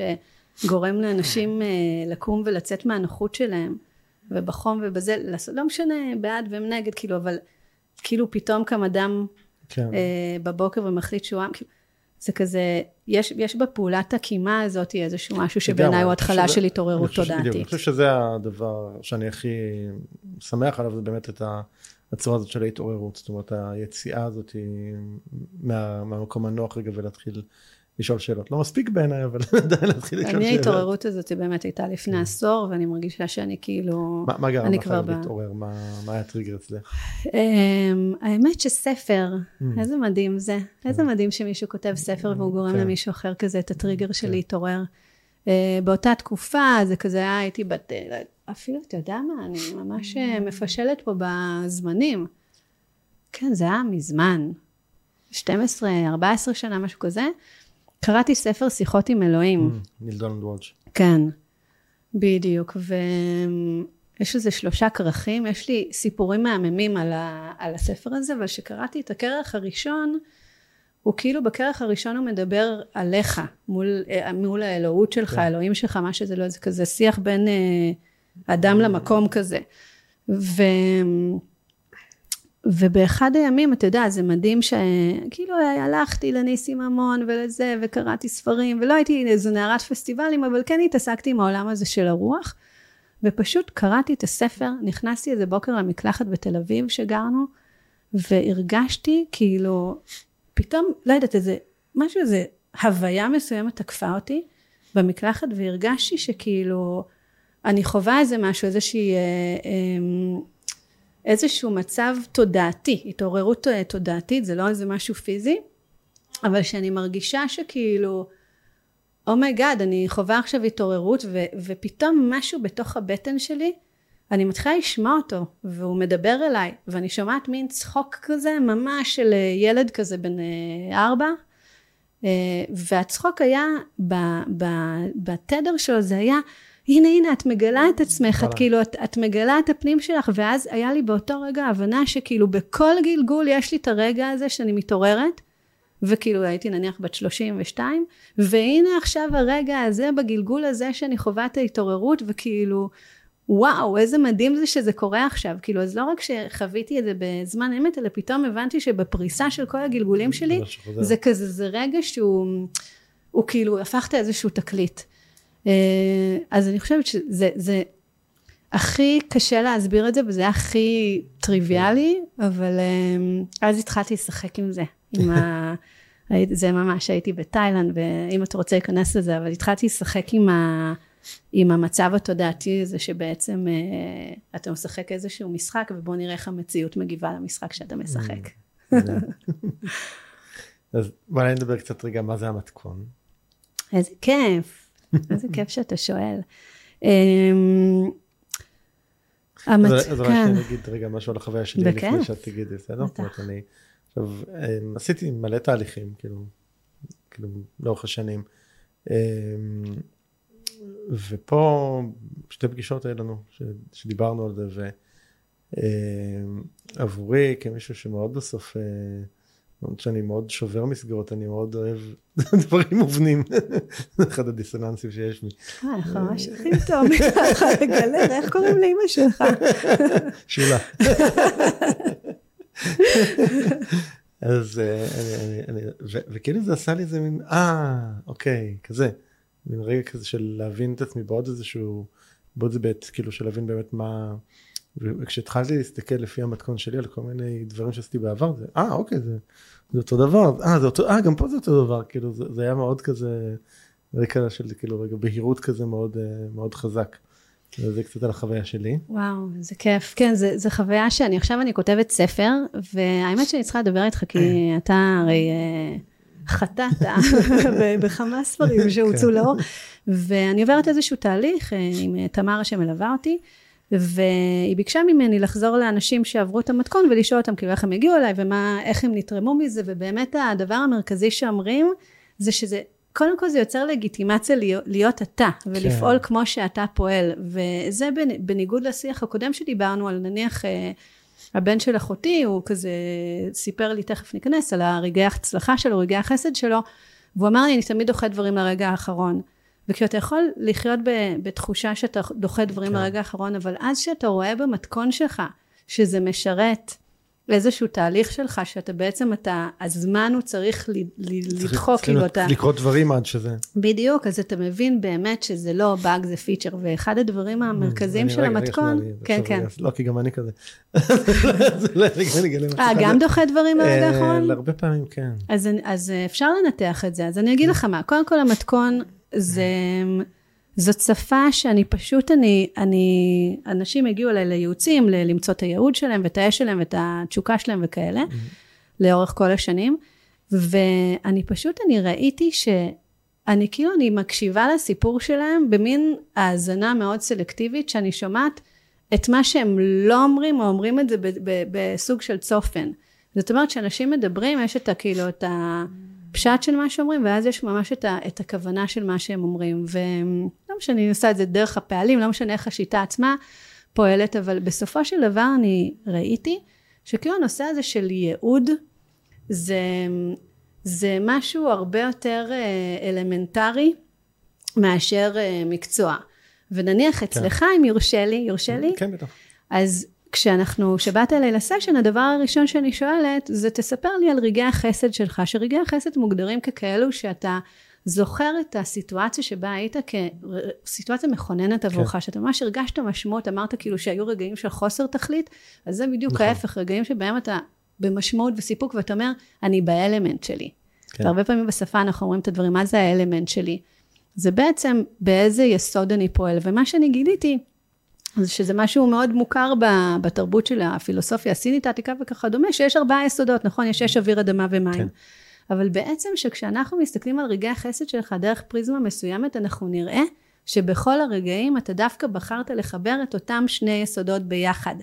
ואצלך זה אש ומים, שהמים מאוד מאוד חזקים. זאת אומרת, בכל רגעי החסד שלך, אתה, אתה מאוד מאוד משמעותי ומוביל. אבל אתה עושה את זה למען החיבור בין האנשים, למען ה, אה, באמת ה, ה, לעזור לאנשים. תמיד יש איזושהי קהילה של אנשים שאתה מדביק אותה ביחד, ואפילו רק בפודקאסט הזה אתה דיברת על האישה הזאת שהראית לה משהו וחיברת אותה למחלה שלה, כן. זאת אומרת, הדרך שבה אתה פועל היא מאוד מאוד לא אנוכית ואגואיסטית, אלא היא באמת באמת לעזור לאנשים לראות משהו, להתחבר למשהו, להתחבר אחד לשני, כאילו במישור המאוד רגשי, שזה המים. מים זה רגש וחיבורים. כן. אז כאילו גוף הרגש הזה שהוא יהיה, יהיה לו מקום ויהיה לו לגיטימציה, לייצר אינטימיות, לייצר חיבור עם אנשים. כן. אבל מצד שני, אתה תמיד מוצא את עצמך מוביל. זאת אומרת, אתה מוביל איזשהו תהליך מאוד גדול בתור מנהל באינטל, אתה מוביל איזשהו משהו מאוד גדול בחבורה של אנשים. אז זאת אומרת, במתכון מה שאנחנו בעצם רואים, זה את הלמה שלי. כאילו, סיימון סיניק אומר, start, start with the why. Okay. כן. אני חושבת שאחד הדברים שהם הכי מדליקים, בניגוד ללשקוע בדכדוך והכל, זה להבין אוקיי, אז מה הסיבה שאני בוחר בזה? מה הסיבה שאני החלטתי לגבי זה? למה הסיבה שזה מדליק אותי? וברגע שאתה מבין את זה ברמה של בלופרינט, ברמה שהיא מאוד, אה, היא, היא לא משנה הקונטקסט, תמיד אתה, הסיבה שתעשה משהו זה בשביל לחבר בין האש, התשוקה, ההובלה, הדומיננטית הזאת של לפתוח ציר לבין לעזור לאנשים, כן. להראות להם את הדרך, להתחבר לאיזשהו משהו, אז, אז אתה אומר, אוקיי, אז מתוך המקום הזה אני יכול להיות גם אה, מנחה פודקאסים וגם מחבר מכר וגם אני יכול לעשות מלא דברים, אבל בראש ובראשונה לקבל את זה שלדוגמה, אני לא חייב להיות מתוכנן. Mm. לדוגמה, אני לא חייב להיות uh, באותה מסגרת כל השנים בשביל לקבל איזושהי mm. לגיטימציה. זאת אומרת, אתה, אתה מבין מה אתה כן, ואז אתה יכול להשיל מעצמך את המתכון אה, של החברה, של איך זה להיות אדם נורמטיבי שהוא בסדר, אלא כן. להפך, אתה מתחבר לאיזשהו... או אדם מצליח. בדיוק, או אדם מצליח, כי אתה מתחבר לאיזושהי דרך שלך שאומרת, זאת הדרך שלך, ככה אתה עושה דברים, זה המתכון שלך, אלה המרכיבים שלך, ככה אתה מערבב אותם, אבל כל פעם אתה מייצר איזשהו אה, מטעמים אחרים אה, בחיים שלך. חשוב, חשוב לי לומר רגע לגבי זה שאחד הדברים שעבורי היה מאוד מעניין להסתכל עליהם, שזה לא רק בהקשר של איזושהי עשייה או עיסוק או, או משהו בסגנון הזה, זאת אומרת, אחד, אחד רגעי השיא שכאילו שדיברנו עליהם היה יום הולדת 50 שלי לפני שנה. וזה היה לי מאוד מעניין להסתכל על זה דו, דווקא על האירוע הזה מהפריזמה הזאת, כי באמת ראיתי שעבורי חלק מאוד מהותי זה ליצור את המרחב שבו יתאפשר שיקרה איזשהו קסם. אז ביום הולדת שלי 50 זה היה מבחינתי, אני קורא לזה קסם של אהבה. כאילו יש שם מרחב ממש נוטף אהבה, נקרא לזה ככה, מאוד מאוד, אה, וזה מכל מיני דברים מאוד קטנים שעבורי הם כאילו טריוויאליים, כן, אה, כדי ליצור אה, מקום כזה. אבל זה, אבל זה עבורי, זה לא עבור מישהו אחר בהכרח. כן, אבל גם אנשים שמאזינים לפודקאסט הזה, אני בטוחה שהם מתחברים לצד המאוד אנושי שלך. לצד שאין בו כאילו הרבה בולשיט, אלא אתה בא כמו שאתה, אתה מספר על החוויות שלך בצורה מאוד כן. uh, פתוחה וחשופה, זאת אומרת, יש משהו במים, שבסופו של דבר אנשים שמחברים בין משהו לבין מים, אז הם, uh, קל להתחבר אליהם, הם כאילו, הם, uh, הם אנושיים, הם חמים, הם מזמינים, הם כאילו מאפשרים לפתוח את הלב. כן. וברגעי חסד שלך זה מגיע לשיאים מאוד גדולים, שאתה מסוגל לאפשר להרבה מאוד אנשים להיכנס לאיזשהו מרחב שהם חווים איזושהי אהבה ותדר באמת של, אה, של חיבור וזה משהו שאתה מאפשר, אתה מוביל אז זה באמת ברגע שאתה מסתכל לאחור ואתה מבין שכל העשייה שלך יש בה איזשהו חוט שני, יש איזשהו נרטיב כן. שהחברה שלנו לאו דווקא מדברת עליה אמ, זה מאוד מעצים. ולאו דווקא מתגמלת גם. בדיוק, אותנו. ואז כשאתה מסתכל קדימה, אתה אומר, אוקיי, אז בהינתן זה שאלה קלפי המשחק שלי, אני מאוד אוהבת את השותפות עם רונן גפני, כי הוא המציא את uh, המשחק של פרשביז, והוא תמיד מדבר על קלפי הפעולה. ובמתכון אתה גם, אתה מבין מה קלפי הפעולה שלך, כשלכל אחד יש קלפי פעולה שהם, הוא מנסה לחבר ביניהם, אבל גם יש קלפי פעולה שאנשים אחרים עוזרים לו בזה. ואז אתה גם לומד כאילו, להיות בצד הנותן, המכוון, הזה שכאילו מוביל את התהליך שלך, אבל אתה גם לומד להיעזר באנשים אחרים, וזה משהו שבסופו של דבר מייצר לך את ההאקינג הזה לעצמך, mm. זאת אומרת באמת לעשות את הקפיצה הבאה שלך לעצמך. כן. אבל זה יותר כלי לוגי, גם אני נורא נורא, אני כאילו כמה שאני לא אוהבת מסגרות וזה, אני נורא נורא אוהבת דברים לוגיים, שכאילו אפשר, לא צריך uh, לעשות איזה קפיצת אמונה, כן. אוקיי? אתה פשוט, אתה רואה את הדברים, ואתה אומר, כן, כאילו זו קריאה בקלפים, כן? שרק אני מחזיקה בזה, זה נראה מאוד ברור. כן. אז באמת אני אוהבת את ה... את, ה, את היכולת שלך לקבל איזשהו uh, תבנית או דפוס או uh, ways פנימי, אבל לא לאישיות שלך, אלא לאיך אתה פועל בעולם. How do you execute, איך אתה רוקד את הריקוד הזה כן. של החיים שלך. מה, נגיד הדבר הכי מעניין או מפתיע שגילית אה, גילית על אנשים מתוך העבודה הזאת עם המתכון? גיליתי כמה שאנחנו הולכים פצועים מאוד מאוד בשני מקומות במיוחד. בגוף הרגשי, זאת אומרת כל מה שקשור למים, אנחנו מאוד מאוד... Mm-hmm. אנשים היום בחברה שלנו, ואתה יודע, אני חטאתי בזה עם הבן שלי שהוא חוקר אוויר ומים, עם יובל, שכאילו כשהוא היה בוכה הייתי אומרת, בשביל מה אתה בוכה? כאילו, מה, אז מה הדרמה? אז תדבר, מה זה עוזר? כאילו, שזה כן. דבר מזעזע להגיד. וכולנו כהורים, כן, כאילו, סבבה, לא, אבל... בכי זה, אל תבכה, כאילו, קח לא, סוכריה, לא, לא, תבכה. לא קרה שום דבר, כאילו, רק כל עולמו חרב כרגע, כי הסוכריה שלו נפלה, לא קרה שום דבר, נכון? אין לגיטימציה בכלל להרגיש לחוש רגש. אבל זה הולך ונבנה יותר, זאת אומרת, אם כילד, עוד איכשהו, בסדר, אנחנו מקבלים את זה שזה כמבוגר, להרגיש, להראות פגיעות, להיות חשוף, ל- כן. ל- ל- החברה שלנו כל כך מצמצמת את השיח הרגשי שהדבר הראשון שגיליתי זה אנשים שזה כן חלק מאוד משמעותי מהמתכון שלהם חיבור לאנשים ולהרגיש דברים כן. וללכת עם לב פתוח ולהיות על המנעד הרגשי הזה שלא הכל בסדר תמיד אבל שיש גבוהים אז הם גבוהים וכאילו מי שהוא הוא ייתפס בתור אתה יותר מדי דרמטי, אתה יותר מדי כאילו אה, אה, אה, פגוע, אתה כן. יותר מדי מראה רגשות, אתה יותר מדי מחבר, אתה כל הזמן יותר מדי, זה משהו שגיליתי שהוא אה, חייב להיפסק, וזה נפסק על ידי זה שקודם כל הבן אדם מתחבר חזרה למים שלו, זאת אומרת מקבל לג, לגיטימציה לחזור הביתה, הייתה לי איזושהי מקרה של מישהי שהיא ממש כאילו התנתקה רגשית לגמרי, ובדרך כלל אנשים שקשה לי לאבחן אותם, זה בגלל שהם זזו למתכון של מישהו אחר. זאת אומרת, הם... מה הכוונה זזו למתכון? הם כאילו, זה כמו ש... של מישהו אני אגיד לך מאוד פשוט. אה, באת להכין אה, אה, איזשהו מאכל טבעוני מסוים, אוקיי? אוקיי. נניח טופו כזה מוקפץ כזה טעים עם קארי אדום, אנחנו לפני ארוחת צהריים עכשיו, אני באיזה צום. ואז כאילו, אבל לא היה קארי אדום. אז אה, הכנת קציצות טופו בתנור, לא משנה מה, זה כבר תבשיל אחר. זאת אומרת, ברגע שאתה לא מכניס פנימה לתהליך שלך את המצרכים הטבעיים שלך, mm. שבמקרה הזה, במתכון הספציפי הזה, אני חייב להרגיש. אוקיי? נניח אתה, הדבר הראשון שקורה באיזשהו טריגר חיצוני קורה, ואני מרגיש, איך אני מרגישה עם זה? אני מתחברת לזה או לא מתחברת לזה? זאת אומרת, בשיח הפנימי. ואם אני ניטרלתי לגמרי את השיח הפנימי, זה לא משנה איך אני מרגישה, הבוס שלי ביקש את זה, הילדים שלי רוצים, הבעל שלי רוצה, מה זה כן. משנה מה אני מרגישה?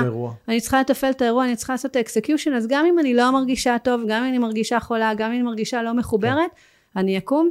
אז זה הדבר הראשון שקורה, שאנשים מתחברים חזרה לרגש, והחברה שלנו, בוא נגיד, לא ממש אה, אה, עושה שם אה, תהליך טוב.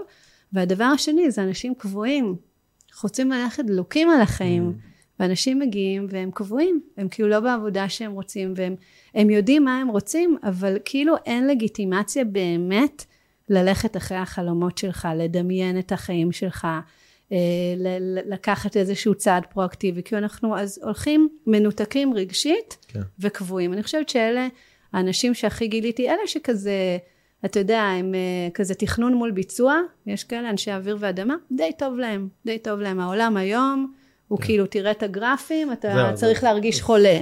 אה, תעשה את הזה, כאילו, הכל זה מאוד מאוד אה, אנליטי. אני תוהה איך היית מאבחנת את המתכון שלי אם היינו נפגשים לפני ארבע שנים נניח. אני חושבת שהייתי רואה שהאש שלך אה, כבויה. כן, אבל השאלה מה... כי אני הייתי מתאר את עצמי אולי כיותר כאש ואוויר, זאת אומרת, יותר מנטלי, זאת אומרת, אני חושב שהעולם הרגשי שלי נפתח לפני משהו כמו ארבע שנים אחרי שחליתי בסרטן, וזה שם, שם התחיל התהליך המשמעותי. אה, זה מעניין, את יודעת, באינטל, אה, אחת הסדנאות הכי משמעותיות שאני זוכר, אה, שעשו לנו, זה היה משהו שנקרא Human Dynamics, לא יודע אם שמעת, נתקל בדבר הזה. אבל בגדול גם כן זה לא לדבר על ארבעה אלמנטים, מדברים על שלושה, על פיזיקל, אמושיונל ומנטל. סיפרת לי על זה, אתה יודע, כן, שעשינו את המתכון, בטח. נכון, נכון, נכון. ואז הייתי פיזיקל מנטל. אוקיי, זאת אומרת, אני מאוד מאוד בפיזיות, בדווינג של הדברים, ומאוד ומאוד מאוד מאוד בראש.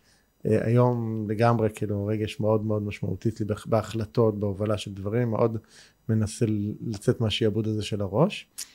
אה, וזה הוביל אותי אבל לשאלה אה, שככה תפסה אותי בהכנה ששלחת לי, שאמרת ש... שהגעת לאיזושהי הבנה שאת צריכה לפתוח את הלב. אוקיי, אז אני אגיד רגע למה זה תפס אותי, ואז ככה נשמע ממך כאילו מה זה אומר עבורך. אבל אני במשך שנים חושב משהו כמו איזה שש שנים הייתי בליווי של איזושהי מטפלת, וכמעט כמעט כמעט כל מפגש שלנו, מתישהו במפגש היה, הייתה אומרת לי את המשפט, ערן, כל מה שאתה צריך לעשות זה לפתוח את הלב. וכבן אדם שהוא מאוד מנטלי אז, זה היה מטריף אותי. הייתי אומר לה, אני מבין, אז איך עושים את זה? והייתה אומרת לי, עכשיו זו הייתה שאלה קבועה ותשובה קבועה. לא עושים את זה, הובים את זה. וזה מה אותי כאילו, כאילו מה אני, מה אני עושה עם כאילו. הדבר הזה עכשיו? אז, וזה, ואז מתישהו ממש עברתי איזשהו תהליך שממש הרגשתי את הלב, ממש בפיזי הרגשתי את הלב נפתח ומשם זה מאוד התעצם. ו... ואז אני אשמח ככה לשמוע מה, מה זה עבורך לפתוח את הלב, איך את חווה את זה. אז קודם כל המונח ללכת עם לב פתוח זה כזה, לא יודעת, זה בחוגים מסוימים, כן. לא בחוגים שאני הסתובבתי, ומה זה אומר ללכת עם לב פתוח? חוגי פרדס חנה כזה? כן, מין כזה ללכת עם לב פתוח, זה משהו ששמעתי רק בכמה שנים האחרונות, אבל אמ, באמת אם היית שואל אותי לפני כמה שנים, אני ממש ניהלתי על זה ויכוח, כן? זה לא תיאורטי. אם יש חוכמת הלב, אז אמרתי, לא, אין חוכמה של לב, יש חוכמה של ראש, מה זאת אומרת? כאילו, כן. שם החוכמה. Uh, ו-little did I know, דרך אגב, כל דבר שאני אומרת, אני אומרת בערבון מוגבל, מוגבל ובלי סימני קריאה, כי כאילו כל הסימני קריאה שאני תמיד אמרתי בעבר, הם, אה, הם באמת כאילו, אנחנו יודעים הרבה פחות ממה, ש, ממה שקיים, אבל רק אגיד שנייה אנקדוטה, אתמול מישהו כתב לי איזה תגובה לפוסט, והוא אמר לי ש-99% מהאנשים ויש אה, אחוז אחד של אדיוטות. כאילו אומרים משהו, לא משנה לגבי, לא משנה מה העניין, אמרתי לו שאני באופן כללי די נזהר מהאנשים שטוענים בוודאות שהם יודעים משהו בעיניי, כן. ואנשים מסוכנים. כן, אה, כן, אז אני יכול להיות כן. שהייתי כזאת פעם, כאילו, אני, אני בוודאות הייתי כזה, כן, אני, אז אני לא יודעת, אבל אה, יש לי איזה פרספקטיבה כאילו להניח כזאת. ובלב הפתוח, אני לא חושבת, הבית שגדלתי בו הוא בית של הרבה חום ואהבה, אבל אין שיח רגשי, זה כאילו mm. שיח, אני קוראת לו יותר אדמתי. זאת אומרת, אם כואב לך משהו רגשי, אז יש איזה פתרון אדמתי. רוצה לעשות משהו. בדיוק, אז תחליף נעליים, אז תלך לזה, כאילו יש לזה, יש לזה איזשהו, כאילו מחפשים את הפתרון mm-hmm. הפרקטי, במקום לשהות במקום הרגשי של להכיל את זה. כן. ו... באמת ה- ה- לפתוח את הלב, כשאני הייתי מדמיינת את הלב שלי בעבר, כזה ממש נכנסת לדמיון מודרך, אז הייתי מרגישה, אתה מכיר מערות נטיפים? כן. שהם כאלה לחות כאלה, אבל כאילו יש בהם איזשהו כן. קור כזה, נכון. וכאילו זה קצת חשוך כזה, זה ככה נראה הלב שלי, ואין שם mm. הרבה אנשים, אולי יש איזה כמה אנשים מחזיקים איזה... איזה עששית קטנה. זה היה, כן, משהו, איזה זיקוק שככה, כן. ו... והתהליך של לפתוח את הלב עבורי הוא קודם כל להבין באמת את הכוח שבחיבור בין אנשים. זאת אומרת, גם כשאני פותחת את הלב, לצערי, מה שקודם לזה זה, זה דווקא הראש. כאילו מתוך ההבנה שאני מבינה, כש, כשאני הסתכלתי על המתכון וגיליתי אותו, מה שגיליתי, אני כזה עושה כזה rewind בשביל להסביר, זה אני חוקרת אש ואוויר. זה אומר שכל הזמן אני מחפשת את הדבר הבא ולנסות למדל את זה, לעשות איזה מתודולוגיה, שיטה, כאילו אז עשיתי mm-hmm. את זה בכמה שעות עובדים ביום, איך לעשות איזה האקינג או מבחינת כסף ויחס לכסף וביטקוין וכל אלה. ובמתכון ראיתי שהבריאה היא מאוד מאוד חכמה.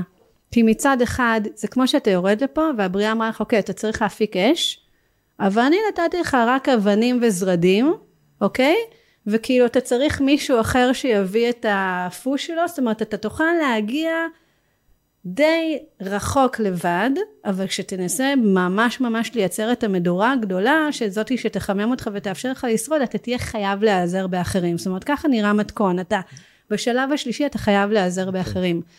ואני הבנתי שכל עוד אני נצמדת לסוליסטיות שלי, זה מקדם אותי לשלב אחד ושתיים, אבל בשלב השלישי בשביל להתחבר עם אנשים, אתה צריך כן. לתת חלק ממך, לא יעזור כלום, אתה לא יכול לשמור כאילו על עצמך ו- ולעשות את הנפרדות הזאת, אתה חייב איכשהו להתמזג ולהתחבר לאנשים אחרים, והלב הפתוח זה אה, הדבק או החשמל הכי מהיר שיש בשביל להתחבר לאנשים אחרים, זאת אומרת היכולת לרתום אנשים, היכולת כאילו לעבוד איתם וליצור איתם ביחד, זה חייב לבוא ממקום של לב פתוח, ודווקא עבורי זה היה כאילו לא ישר להתחבר, אלא פשוט, אז אוקיי, אז לבוא יותר, יותר אותנטי, לבוא יותר uh, טבעי, ש... ככה אני פותחת את הלב, כאילו קודם כל לקבל את עצמך כמו שאתה, אתה, ולתת לעצמך לגיטימציה, אבל באמת אחר כך כשאנשים אומרים דברים, אז להיות מסוגלת להקשיב, לשהות שם, להכיל את הדברים, וכשאני חושבת כאילו על האנשים שעברו איתי תהליך נניח לפני שמונה שנים, לעומת אנשים היום, כאילו הייתי מאוד מאוד כזאת קרה ולא מכילה, אתה יודע, אנשים כאילו שמים את הקישקע שלהם על, ה, כן. על השולחן, לא שאני מטפלת, אני כאילו עושה איזשהו תהליך מאוד אה, אה, אבחוני כזה, אבל אה, אני חושבת שבסופו של דבר אתה לא באמת יודע מה הסיפור של מי שמולך, ואתה לא יכול לשפוט אותו על פי כאילו איך שהוא מציג את עצמו, ובאמת שאתה נותן לאנשים את המרחב ואת המקום, החיבור הוא הדדי, הוא נפתח ביחד, אז כאילו, שם אני נמצאת, בתנועה הזאת. גם הייתי בקבוצת סינכרון שממש ממש למדתי, כי יש מלא מלא כלים ולמידה של איך לפתוח את הלב, talking from the heart, כל מיני דברים שכאילו אנשים אומרים לך, לא, אתה מדבר בולשיט, אתה צריך לתת מעצמך עוד ועוד, אז זה כאילו, זה, זה, זה תהליך התפתחותי, כן. אבל בפן הזה של כאילו, של, של חיבור, חיבור רגשי, לתת לזה את המקום. כן, ואני חושב שזה... יכול יודע להגיד עבורי, זה, זה מקום שהוא בהתחלה הוא מאוד מפחיד, היום, היום הוא מאוד, הרבה, מאוד, הרבה יותר טבעי לי, או אפילו יותר טבעי לי היום מה, מה, מהראש לפעמים, אבל uh, בהתחלה זה מאוד מאוד מפחיד, כי זה באמת uh, להיות, להיות במקום שאתה מוכן להיות פגיע. כן, זה כאילו... וזה לא... גם אני פוגעת כן. בהרבה אנשים, כן. גם, אתה יודע, אתה גם פוגע נכון. באנשים. אז פתאום כשאתה מרגיש שאתה פוגע, נכון.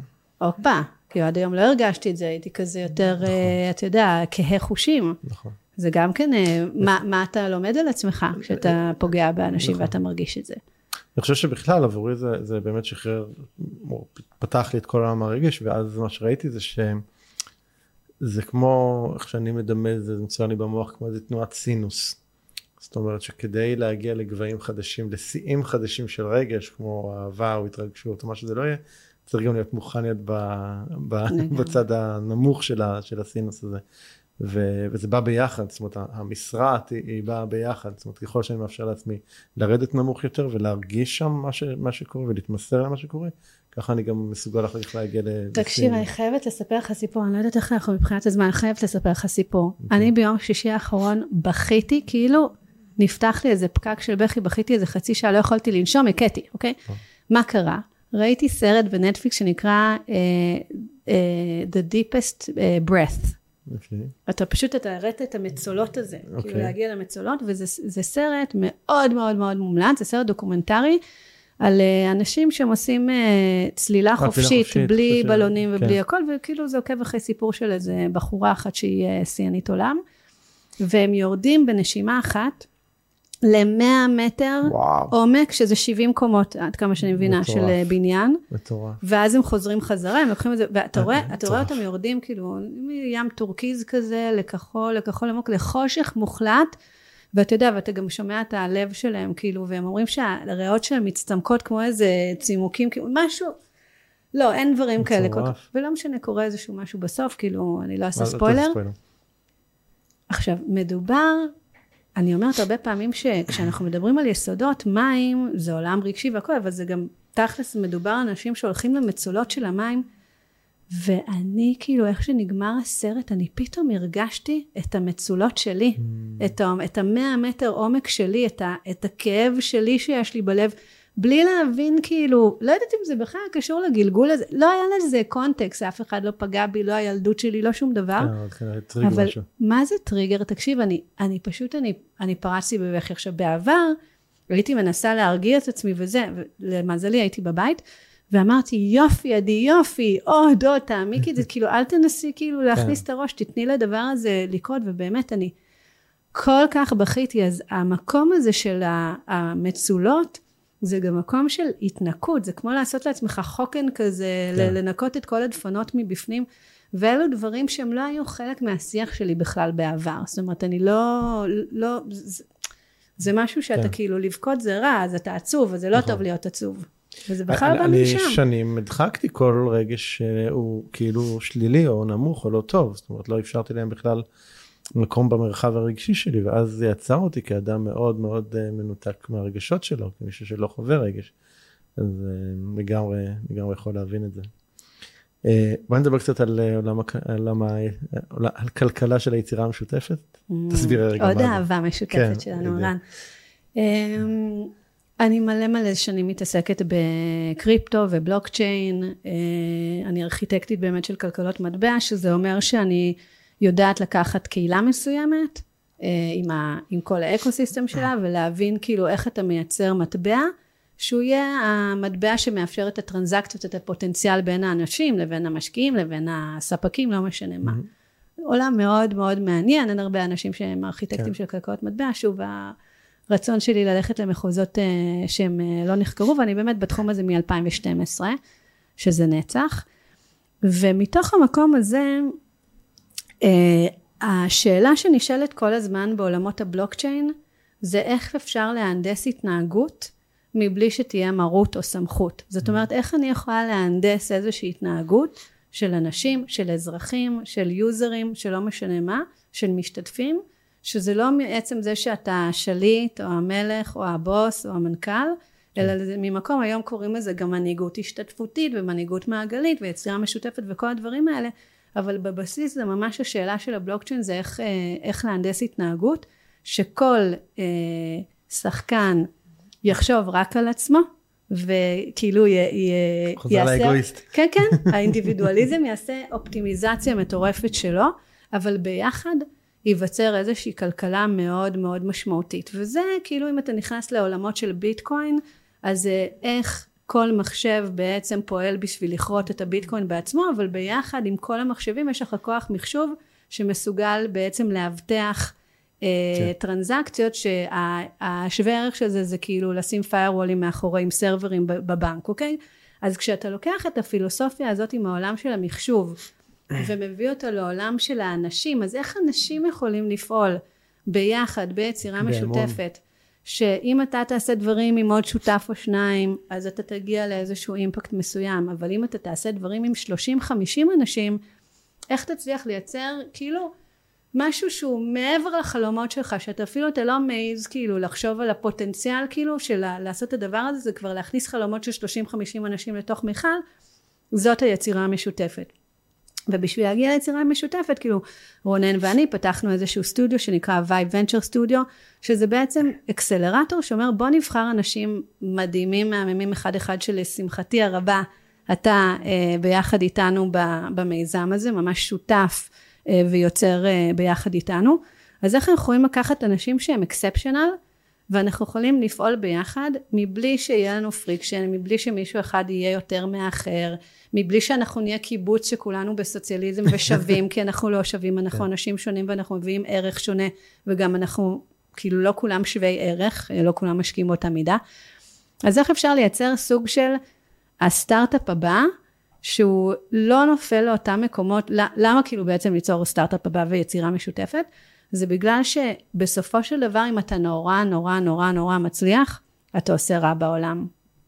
הם. כמו גוגל וכל אלה, זאת אומרת בסוף פייסבוק נורא נורא מצליחה, אז היא מסוגלת להיות uh, במשבר כמו Cambridge Analytica, או כמו fact checkers של אה, קורונה, קורונה, קוביד 19 וכאלה. זאת אומרת, שבמבנה הנוכחי של ההתארגנות של האנושות, כשיש לך בעלי מניות, ופתאום המנכ"ל אומר, אבל אני... האינטרסים נכנסים. כן, אני, אבל הבעלי מניות, מה הבעלי מניות רוצים? רק כל הזמן צמיחה. כל הזמן, אז כן. כן. זה נהיה משהו, אפרופו חיבור רגשי, זה כבר לא באנושי, זה כאילו החברה רוצה, כאילו איזשהו אורגניזם משל עצמו. הבעלי מניות רוצים, זה לא אנחנו וזה, אנחנו יכולים ב... בכובע הזה לעשות הרבה מאוד רע בעולם, לעשות דברים לא sustainable ים, להעסיק ילדים אה, ב- בסנט בשביל שאנחנו נוכל אה, להיות ב fast fashion שלנו, כאילו דברים כן. מזעזעים בעולם. ויש משהו שאני ממליצה לקרוא עליו שנקרא Game B. Game אפשר, B. כן, יש וויקי כזה שנקרא Game B, וזה אחלה שם. Game B אומר, רגע, אז מה זה Game A? וגיים A זה החוקים, החוקים של המשחק שאנחנו משחקים היום. זאת אומרת, אנחנו משחקים היום משחק שהוא לא ססטיינבילי, הוא לא בהלימה עם כדור הארץ, ובמלחמה בינינו לבין כדור הארץ, כדור הארץ ינצח. צר לי, צר לי לאכזב. אמ, ו- ואז בעצם אתה משחק משחק שהוא רק אה, צמיחה, הוא לא עם המש- המשאבים הם סופיים בסופו של דבר, או המשאבים המתחדשים של... אה, והיררכיה. ומה? היררכיה, והיררכיה, כן. ומעמדות, ופערים, וכאילו ממש השפלה או enslavement של, אה, של אה, אוכלוסיות שלמות. כל הדבר הזה, הרע בעולם שלנו, Game A הוא מדהים, אבל הוא גם מאוד מאוד רע, ו Game B אומר בואו נראה איך אפשר לשחק משחק שבו בעצם הצמיחה זה לא אה, הפקטור המרכזי שלנו, אנחנו מנסים לייצר התפתחות, לייצר איזשהו מימוש עצמי. איך אנחנו יכולים לייצר מיזמים שיש בהם משהו שהוא אה, גם איזשהו מודל כלכלי שהוא, אה, שהוא מתגמל, אבל כאילו זה גם מחייב איזושהי כלכלה אחרת, כסף אחר, זאת אומרת זה ממש כל היסודות של ה... שאנחנו מכירים פוליטיקה אחרת, מנגנונים קבלת החלטות אחרות, זאת אומרת זה ממש, זה היום בשיח, מנגנוני תגמול אחרים. כן, כאילו. השיח היום שיש על, אה, על אה, הכנסת, אני מתה עליו, אני גם אף פעם לא כתבתי על זה פוסט, כי אני שונאת את פייסבוק, אבל בגדול, מה שקורה בכנסת נקרא במונחים של אה, בלוקצ'יין, מתקפת 51 אחוז. כן. האם אתה. מכיר את זה? אני מכיר את זה מעולם הבלוקצ'יין, כן. כן? אתה- אולי תגיד רגע מש- משפט. מתקפת 51 אחוז אומר שבבלוקצ'יין לדוגמה, או ביצירה משותפת, או ב ecosystem בריא, ברגע שיש רוב של 51 אחוז, בעצם החוקי המשחק הם כאלה ש-49 אחוז יכולים להגיד ביי, כן, אנחנו לא חלק מהמשחק הזה, ואז אתה נהיה 100 אחוז כן. מכלום, כי אין לך את ה-49 אחוז שאתה יכול להשפיט אותם או לעשות על גביהם דברים. זאת אומרת, מתקפת 51 אחוז זה, זה מצב שבו בבלוקצ'יין אתה ממש יכול למזלג את עצמך, יש עכשיו איזשהו מיזם שאני מאוד לא בעד, אבל ישראל השנייה, ישראל, כאילו לפצל את ישראל לישראל כן, ויהודה, כן, כן. זה בגדול לעשות מזלוג כן. למתקפת 51 אחוז, להגיד אוקיי, אנחנו לא רוצים יותר אה, משאבים משותפים וזה משותף, כל אחד מאיתנו יהיה 100 אחוז של איזה משהו אה, נפרד, כן. אני מאוד מאוד נגד, אבל מה יפה ב, באיום של מתקפת 51 אחוז? שהשחקנים יודעים שאסור להם להגיע ל-51 אחוז, זה היופי. ואצלנו בכנסת אתה אומר, כשאני אגיע ל-51 אחוז אני אוכל לעשות מה שאני רוצה, זאת אומרת שמתקפת ה-51 אחוז היא מתגמלת במערכת שלנו, כן. אוקיי? ואז אני יכולה להעביר איזה חוקים שאני רוצה, ולהגיד, אבל אני רוב, אבל אני רוב של 2 אחוז, כן, זה רוב, כאילו, ואז יש רוב שהוא אה, אה, רוב של majority vote שצריך 80 אחוז, וכל השיח היום בארץ הוא שיח של מה מנגנון הקבלת החלטות והקונצנזוס שנדרש בשביל להעביר חוקי יסוד, חוקים כאלה ואחרים. וזה ממש ממש אחד מאבני הבניין של יצירה משותפת, של איך מקבלים החלטות בקבוצה מאוד מאוד גדולה, איך לא מייצרים מתקפת 51 אחוז, איך לא מייצרים כמו בקיבוצים, כל מיני אוכלי חינם ופרי ריידרים, כל הדינמיקה הזאת היא מתהווה. אז כשאתה שואל אותי מה זאת יצירה משותפת, יצירה משותפת זה להתארגן אחרת מבחינת האנושות, כאשר כל אחד מאיתנו בוחר את מה שהוא רוצה ליצור, בוחר את מה שהוא רוצה להביא לשולחן, נמצא באזור הגאונות שלו, יודע איך הוא פועל לפי המתכון, אבל אנחנו ביחד מצליחים לייצר משהו שהוא הרבה יותר גדול, העוגה היא הרבה יותר גדולה, אז אנחנו לא מתחרים על המשאבים, כי אנחנו אומרים, אבל אנחנו הולכים לייצר עוגה הרבה יותר גדולה, וזה משהו שרונן ואני ואתה ועוד אנשים טובים משחקים עם זה וממש אה, מתנסים בזה בתנאי מעבדה. אני יכול להגיד אה, שאני כמה חודשים כבר ככה בתהליך הזה איתכם, ו... ואגב, נכנסתי אליו בלי להבין לאן נכנס לגמרי. כאילו, זה המתכון שלך, אבל כן. ערן, אם היית מבין זה היה יותר כן, מדי אוויר. נכנסת דרך הרגש ודרך התשוקה, נכון? בדיוק, לגמרי. לגמרי, כן. ובעיקר נכנסתי כי אמרתי, יש שם מספיק אנשים טובים שגם בלי לדעת מה, זה הדבר הזה, אז משהו טוב כבר יצא מזה. וזה זה בהחלט, אה, אני מוצא את עצמי, שוב, אני לגמרי תופס מעצמי כחדש בעולמות האלה, אבל מוצא את עצמי אה, מאותגר מתוך החשיבה הזאת, כי זה, כי זה ממש מין מקום כזה של רגע שכח כל מה שאתה מכיר, ושכח את כל המודלים שאנחנו מכירים ופועלים על פיהם, ויש פה משהו אחר לגמרי, זה כאילו ממש כמו, כמו ללמוד איזושהי שפה חדשה, אבל... וזה גם כן, משחק אחר, זה משחק ממש אחר. כללי משחק כן. אחרים. לגמרי. אני חושבת שמה שגרם לך אה, להתחבר לזה, זה בגלל שאתה חוקר ואתה מחבר בין אש לבין מים, אז מקום שבו קבוצה של אנשים יכולים להוביל איזושהי דרך חדשה שהיא בסוף היא שמה את האדם במרכז ולא את המשאב, כן. שהמשאב זה אדמה יותר, אז אני חושבת שזה מה שמאפשר לך ממש ממש להיות במקום אה, המתאים לך. זאת אומרת, יש פה אנשים שאני יכול להוביל ביחד איתם, כן. אבל המהות היא בסופו של דבר להעצים אנשים, לחבר אותם ביחד, והתוצר הוא בסוף, אה, הוא אדמה, הוא מיזם, הוא כסף, לא משנה מה, אבל זה לא חלק מהתהליך, זה לא מה שגורם לנו לעשות את הדברים, אלא התשוקה גורמת לנו לעשות את נכון, הדברים, לגמרי. החיבור אחד לשני גורם לעשות את הדברים, וזה ממש, אה, אם היינו צריכים ככה להנדס את התהליך, אז זה בדיוק למתכון שלך, ערן. טוב, אמרת שאת אוהבת קלפים. הופה, יש לך פה ארבע חבילות קלפים, תבחרי אחת. כן, אמרתי שאני אוהבת קלפים, אמרת שאת אוהבת אה. משחק, אה, זה סתם, זה לא משנה מה כתוב על זה? אה, אה, יכולה, את יכולה, תבחרי אינטואיטיבית זה- ככה, זה- לפי... זה קשור, לא, לא. כאילו? זה זה, זה זה. תבחרי לפי הצבע. אה, ברור שזה, מה קרה לך? אתה כאילו, אתה עושה לי פה סדין אדום. How dare you? How dare you, זה הכי אוקיי, כאילו, נכון. יאללה, bring it on. טוב, זה, פינה, בפודקאסט שנקראת שאלה בהפתעה, אוקיי, כי גם בהפתעה עבורי. אוקיי. אז אנחנו לא יודעים מה יהיה פה. רגע, אבל גם אתה צריך לענות עליה? אה, אני יכול.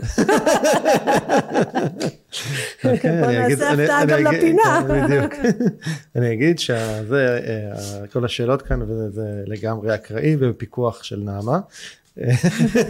מה זה, זה הגרלה של מפעל הפיס? אתה צריך להוכיח איזה מנוע רנדומלי? זהו, תבחרי אה, אבל יש. פה קלפים מסומנים, אני לא, לא... מה מסומן? אין פה כלום מסומן. יואו, זה מעולה, אני מתה על זה. רגע, תן לי ליהנות שנייה. תן לי, רגע. לפני שאני רואה את השאלה, אני פשוט נהנית מזה. הנה. הופה. זה הקלף? יש. הופה, איזה שאלה. אני חושבת, אני, אני חושבת שאני הולכת להעביר את השאלה הזאת לך, וואה. כי זה כזה שאלה בהפתעה. אז הנה, זאת השאלה שלך, ערן. Have you ever cheated on an exam?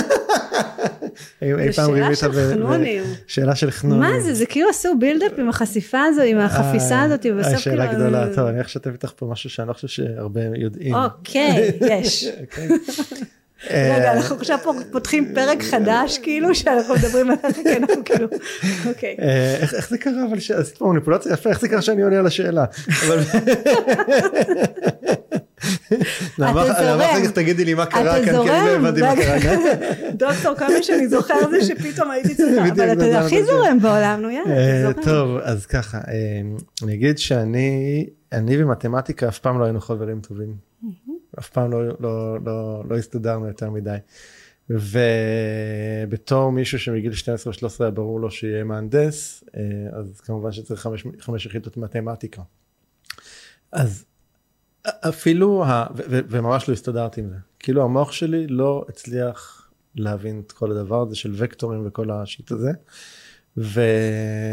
אבל אפילו המחשבה של לרדת לארבע יחידות היא לא היא לא הייתה לא היה מרחב אפשרויות שדבר כזה יכול לקרות. אז הייתי צריך איכשהו איכשהו להסתדר עם זה. ואנחנו מגיעים לי"ב ואני עשיתי בעצם את החמש יחידות במבחן היו היו בתי ספר שחיכו לשלוש יחידות בי"א ושתי יחידות בי"ב אצלנו זה היה חמש יחידות בי"ב.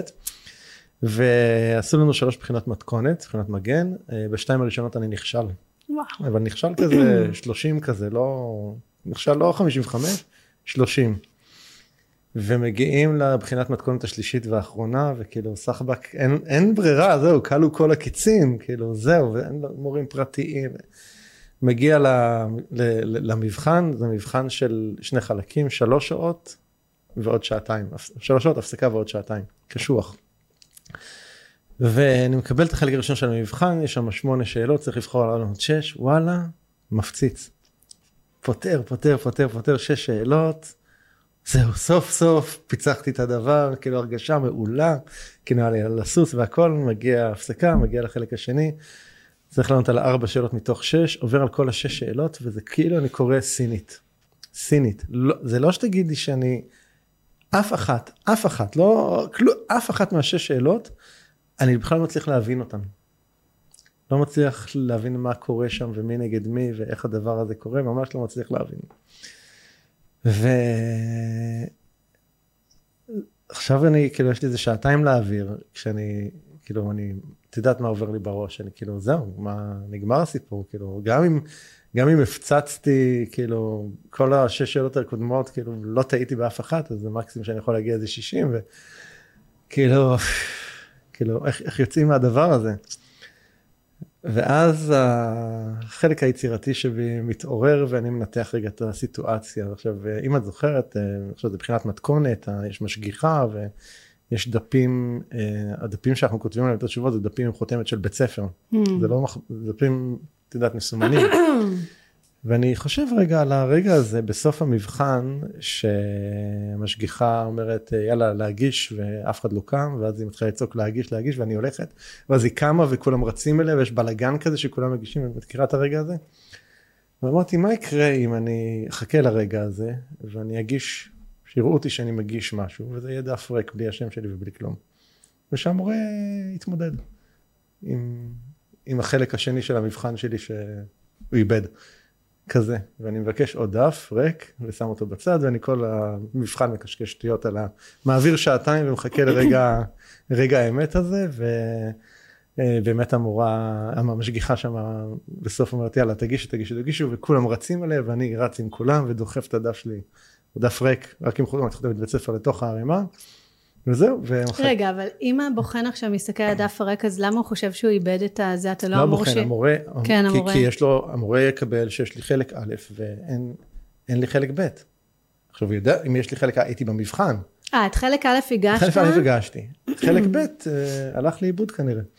זו הייתה, זו הייתה האסטרטגיה. ו... וזהו, ואז עכשיו זו תקופה גם שכבר אין יותר, אה, לא, אין, אין בית ספר יותר, אנחנו רק מגיעים לבג- לבגרויות. ואני מחכה לטלפון, שישאלו אותי, הגשת, לא הגשת, מה קרה עם המבחן שלך, כאילו, כלום, דממה, ועוברים להם איזה שבוע, זה שבועיים. כזה הסכמה בשתיקה עם המורה, שהוא כזה... מגיע לשבועיים ומתפרסמים הציונים אה, של זה, קיצור הוא הגיש אותי כל כל כל כל כאילו לא יודע אני אפילו לא זוכר מה היה, הציון הסופי של המבחן הזה. בסוף הוא הגיש אותי על 62 אה, בבגרות כנראה קיבלתי 58 כי הציון הסופי שלי זה 60 אז אה, אה, זה היה קודם כל, וואו, קודם כל זה סיפור שהוא בדיוק המתכון שלך. וואלה כי בהיעדר אוויר, אם אין, אין אוויר, אוקיי, אין פתרון, אתה לא יכול כן. להתייעץ עם אף אחד, אז איך אתה פועל? אז מה, מה האינסטינקט שלך לפעול? ואז אתה אומר, אז אני הלכתי למרחב היצירתי. כן. זאת אומרת, לתעוזה, ל- לחשוב מחוץ לקופסה, להיות את ה... גם היכולת כאילו לתפוס את התמונת עתיד שהולכת כן. להיות הסיטואציה נכון. הזאת של האנשים הבלגן. ושם אני יכול להשתחל ולעשות את הדברים, וזה באמת, זה, זה בהיכרותנו עם המתכון שלך, זה, זה מראה בעיקר את ה... כאילו, יש לי איזשהו רגש כזה שהוא, אה, אוקיי, אני, אני, אני במצוקה, כן? אבל אז האש באה, והיא מובילה את הדרך, והיא כן. כאילו נת, נתנה לי את השובבות הזאת ואת התעוזה, כאילו להיות אפילו playful בסיטואציה לגמרי. הזאת. ואז נראה מה יהיה, אוקיי? זה- זה היה כאילו- לגמרי- זה היה לגמרי כאילו לא היה לי שום אה, שום מושג לאיזה כיוון זה ילך כאילו זה זה היה ממש כזה ל... וואי, איזה מזל שאתה ענית על זה, כאילו אין לי שום... מה, את חננה כאילו, לגמרי? לא יודעת, אין לי, אין לי כזה סיפור מהמם, אני מה זה טוב. שמחה שזרמת אז עכשיו אני בוחר איתי. לך שאלה. טוב, יאללה, תבחור, אבל שזה יהיה טוב, כמו זה, שזה יעורר איזה לא- סיפור כזה. פה. Hmm, אוקיי, מעניין. האם אי פעם נתת למישהו אחר לקחת את האשמה על משהו שאת עשית? וואי, איזה מעולה. קודם כל ברור, בוא נחשוב, אבל- בוא נברור באיזה סיפור.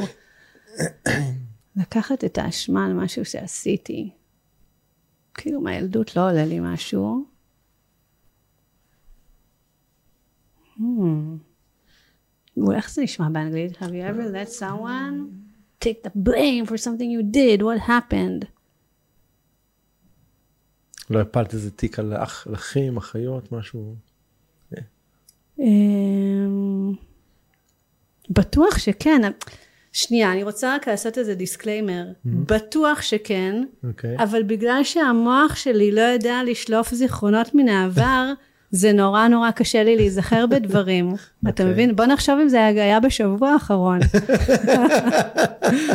אני אציע פה בינתיים שאלת טוב, גיבוי. טוב.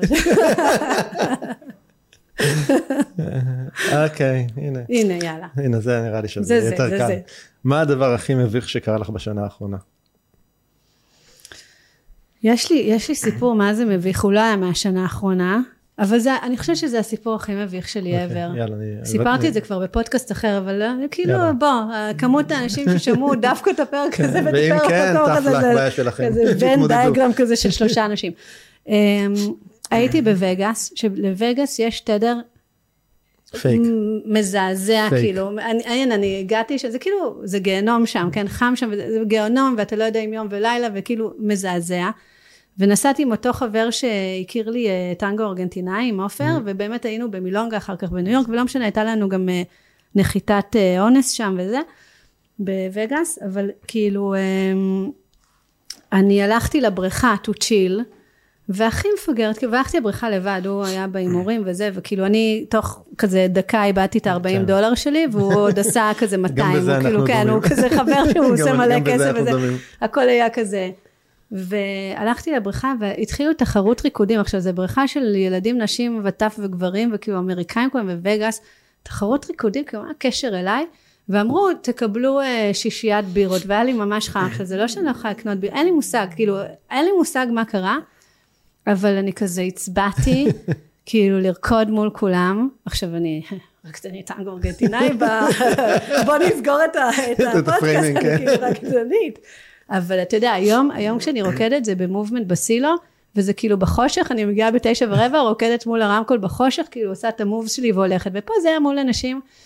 ובקיצור, הגיע איזה בחור שמנמן כזה, וכאילו, והוא הוא כאילו הלהיב ושלהב את הקהל, ואז כל מה שאני זוכרת זה שאני רוקדת, כאילו ביקשתי getting jiggy with it, ואנשים אשכרה, כאילו, הסתכלו עליי ככה, כאילו, מפילת לסתות, אבל בקטע רע, וזה באמת, זה הרגע, אני עד עכשיו אני זוכרת כאילו בריכה עצומה של וגאס, של כאילו מאות אנשים, אני שם כאילו זה, ו- ו- ואנשים כאילו, זה כאילו, אתה רואה דרך העיניים שלהם שמתרחשת כרגע תאונה. תאונה, ועוד אני עם בגד ים, לא, אין לתאר. ובקיצור, אה, אה, זה הדבר הכי מביך, כאילו כשאני נכנסת לזה שוב, אני כזה, מה, מה חשבתי לעצמי, כאילו למה, למה לא יכולתי פשוט להיות במים, מה אני חייבת, כאילו זה, לא הולך לקנות בירה. לא משנה, נתנו לי שישיית בירות כפרס ניחומים על זה שהייתי האישה היחידה שהעיזה לרקוד מול כולם, וזה ממש, זה סיפור שמביך אותי, הוא לא כאילו, אין בו איזשהו בו משהו happy ending, ואז איזה בחור אחד בא ואמר לי, תגידי, אפשר בירה אחת? אז אמרתי לו, כן, קח, אני לא צריכה את כל השש. ואחר כך הלכתי בבושת פנים בלובי, וקיוויתי שאף אחד לא יזהה אותי עם בגדים. טוב. אז התחלנו עם ריקודים, סיימנו ריקודים אחרים. כן, טוב, עדי, היה לי ממש כיף. גם לי. כיף שבאת לפה. חבל שנגמר, אבל כן. איזה כיף שאנחנו חברים, אז כן, אנחנו יכולים להמשיך את זה. בדיוק, כן. כן, אין לנו את ההזדמנות גם. אה, זהו, אז אני רוצה ככה להגיד לכל מי שמאזין לנו, שאם אהבתם את הפרק הזה, ואין סיבה שלא, אז אחד, שתפו אותם עוד אנשים כדי שגם הם יוכלו אה, אה, ככה ליהנות ממנו, ושתיים, אה, בואו פרגנו לנו, כנסו לאפליקציה שאתם מאזינים דרכה, ואני מאוד מאוד מקווה שהרווחנו לפחות חמישה כוכבים מכם. תודה רבה, עדי, תודה רבה. להתראות. זהו, עד כאן לפרק של היום. אם אהבתם את הפרק, אל תשכחו לדרג את הפודקאסט ב iTunes, Spotify, Google Podcast, SoundCloud, YouTube או בכל פלטפורמה אחרת שדרכה אתם מאזינים לנו כרגע. תוכלו למצוא אותו באתר הפודקאסט doingchange.co.il את כל הכישורים הרלוונטיים לפרק הזה. שם גם תוכלו להירשם לפודקאסט ואנו נשלח לכם תזכורת בכל פעם שאנחנו מעלים פרק חדש. נרשמים באתר doingchange.co.il אני מזמין אתכם לכתוב לי תגובות, מה אהבתם, את מי תרצו לשמוע בפרקים הבאים, או כל הערה והערה אחרת שיש לכם. אתם מוזמנים לשלוח לי ישירות למייל feedback at ערנסטרן.co.il או בפייסבוק שלי facebook.com/ערנfanpage. אם אהבתם את הפרק הזה, אל תשאירו את כל הטוב הזה רק לעצמכם. בטוח שיש לכם חברים שרוצים גם הם לעבור שינוי. שתפו אותם ושילחו להם את הפרק. ומילה אחרונה, אבל חשובה. אם קיבלתם השראה מהפודקאסט ואתם מרגישים את השינוי בוער בכם, אם החלטתם שאתם רוצים שינוי ואתם מוכנים לעשות את מה שצריך ולא את מה שנוח, כדי ליצור את השינוי הזה בחיים שלכם, אני מזמין אתכם לתאם איתנו שיחת בהירות, ללא עלות וללא התחייבות. בשיחה הזו נעזור לכם להתמקד ולהבין כיצד לקדם את השינוי בחייכם. לתיאום השיחה ייכנסו לאתר ערנסטרן.co.il/doing change ושוב ערנסטרן.co.il/doing change אני ערן שטרן, שמח שהאזנתם ונשתמע בפרק הבא.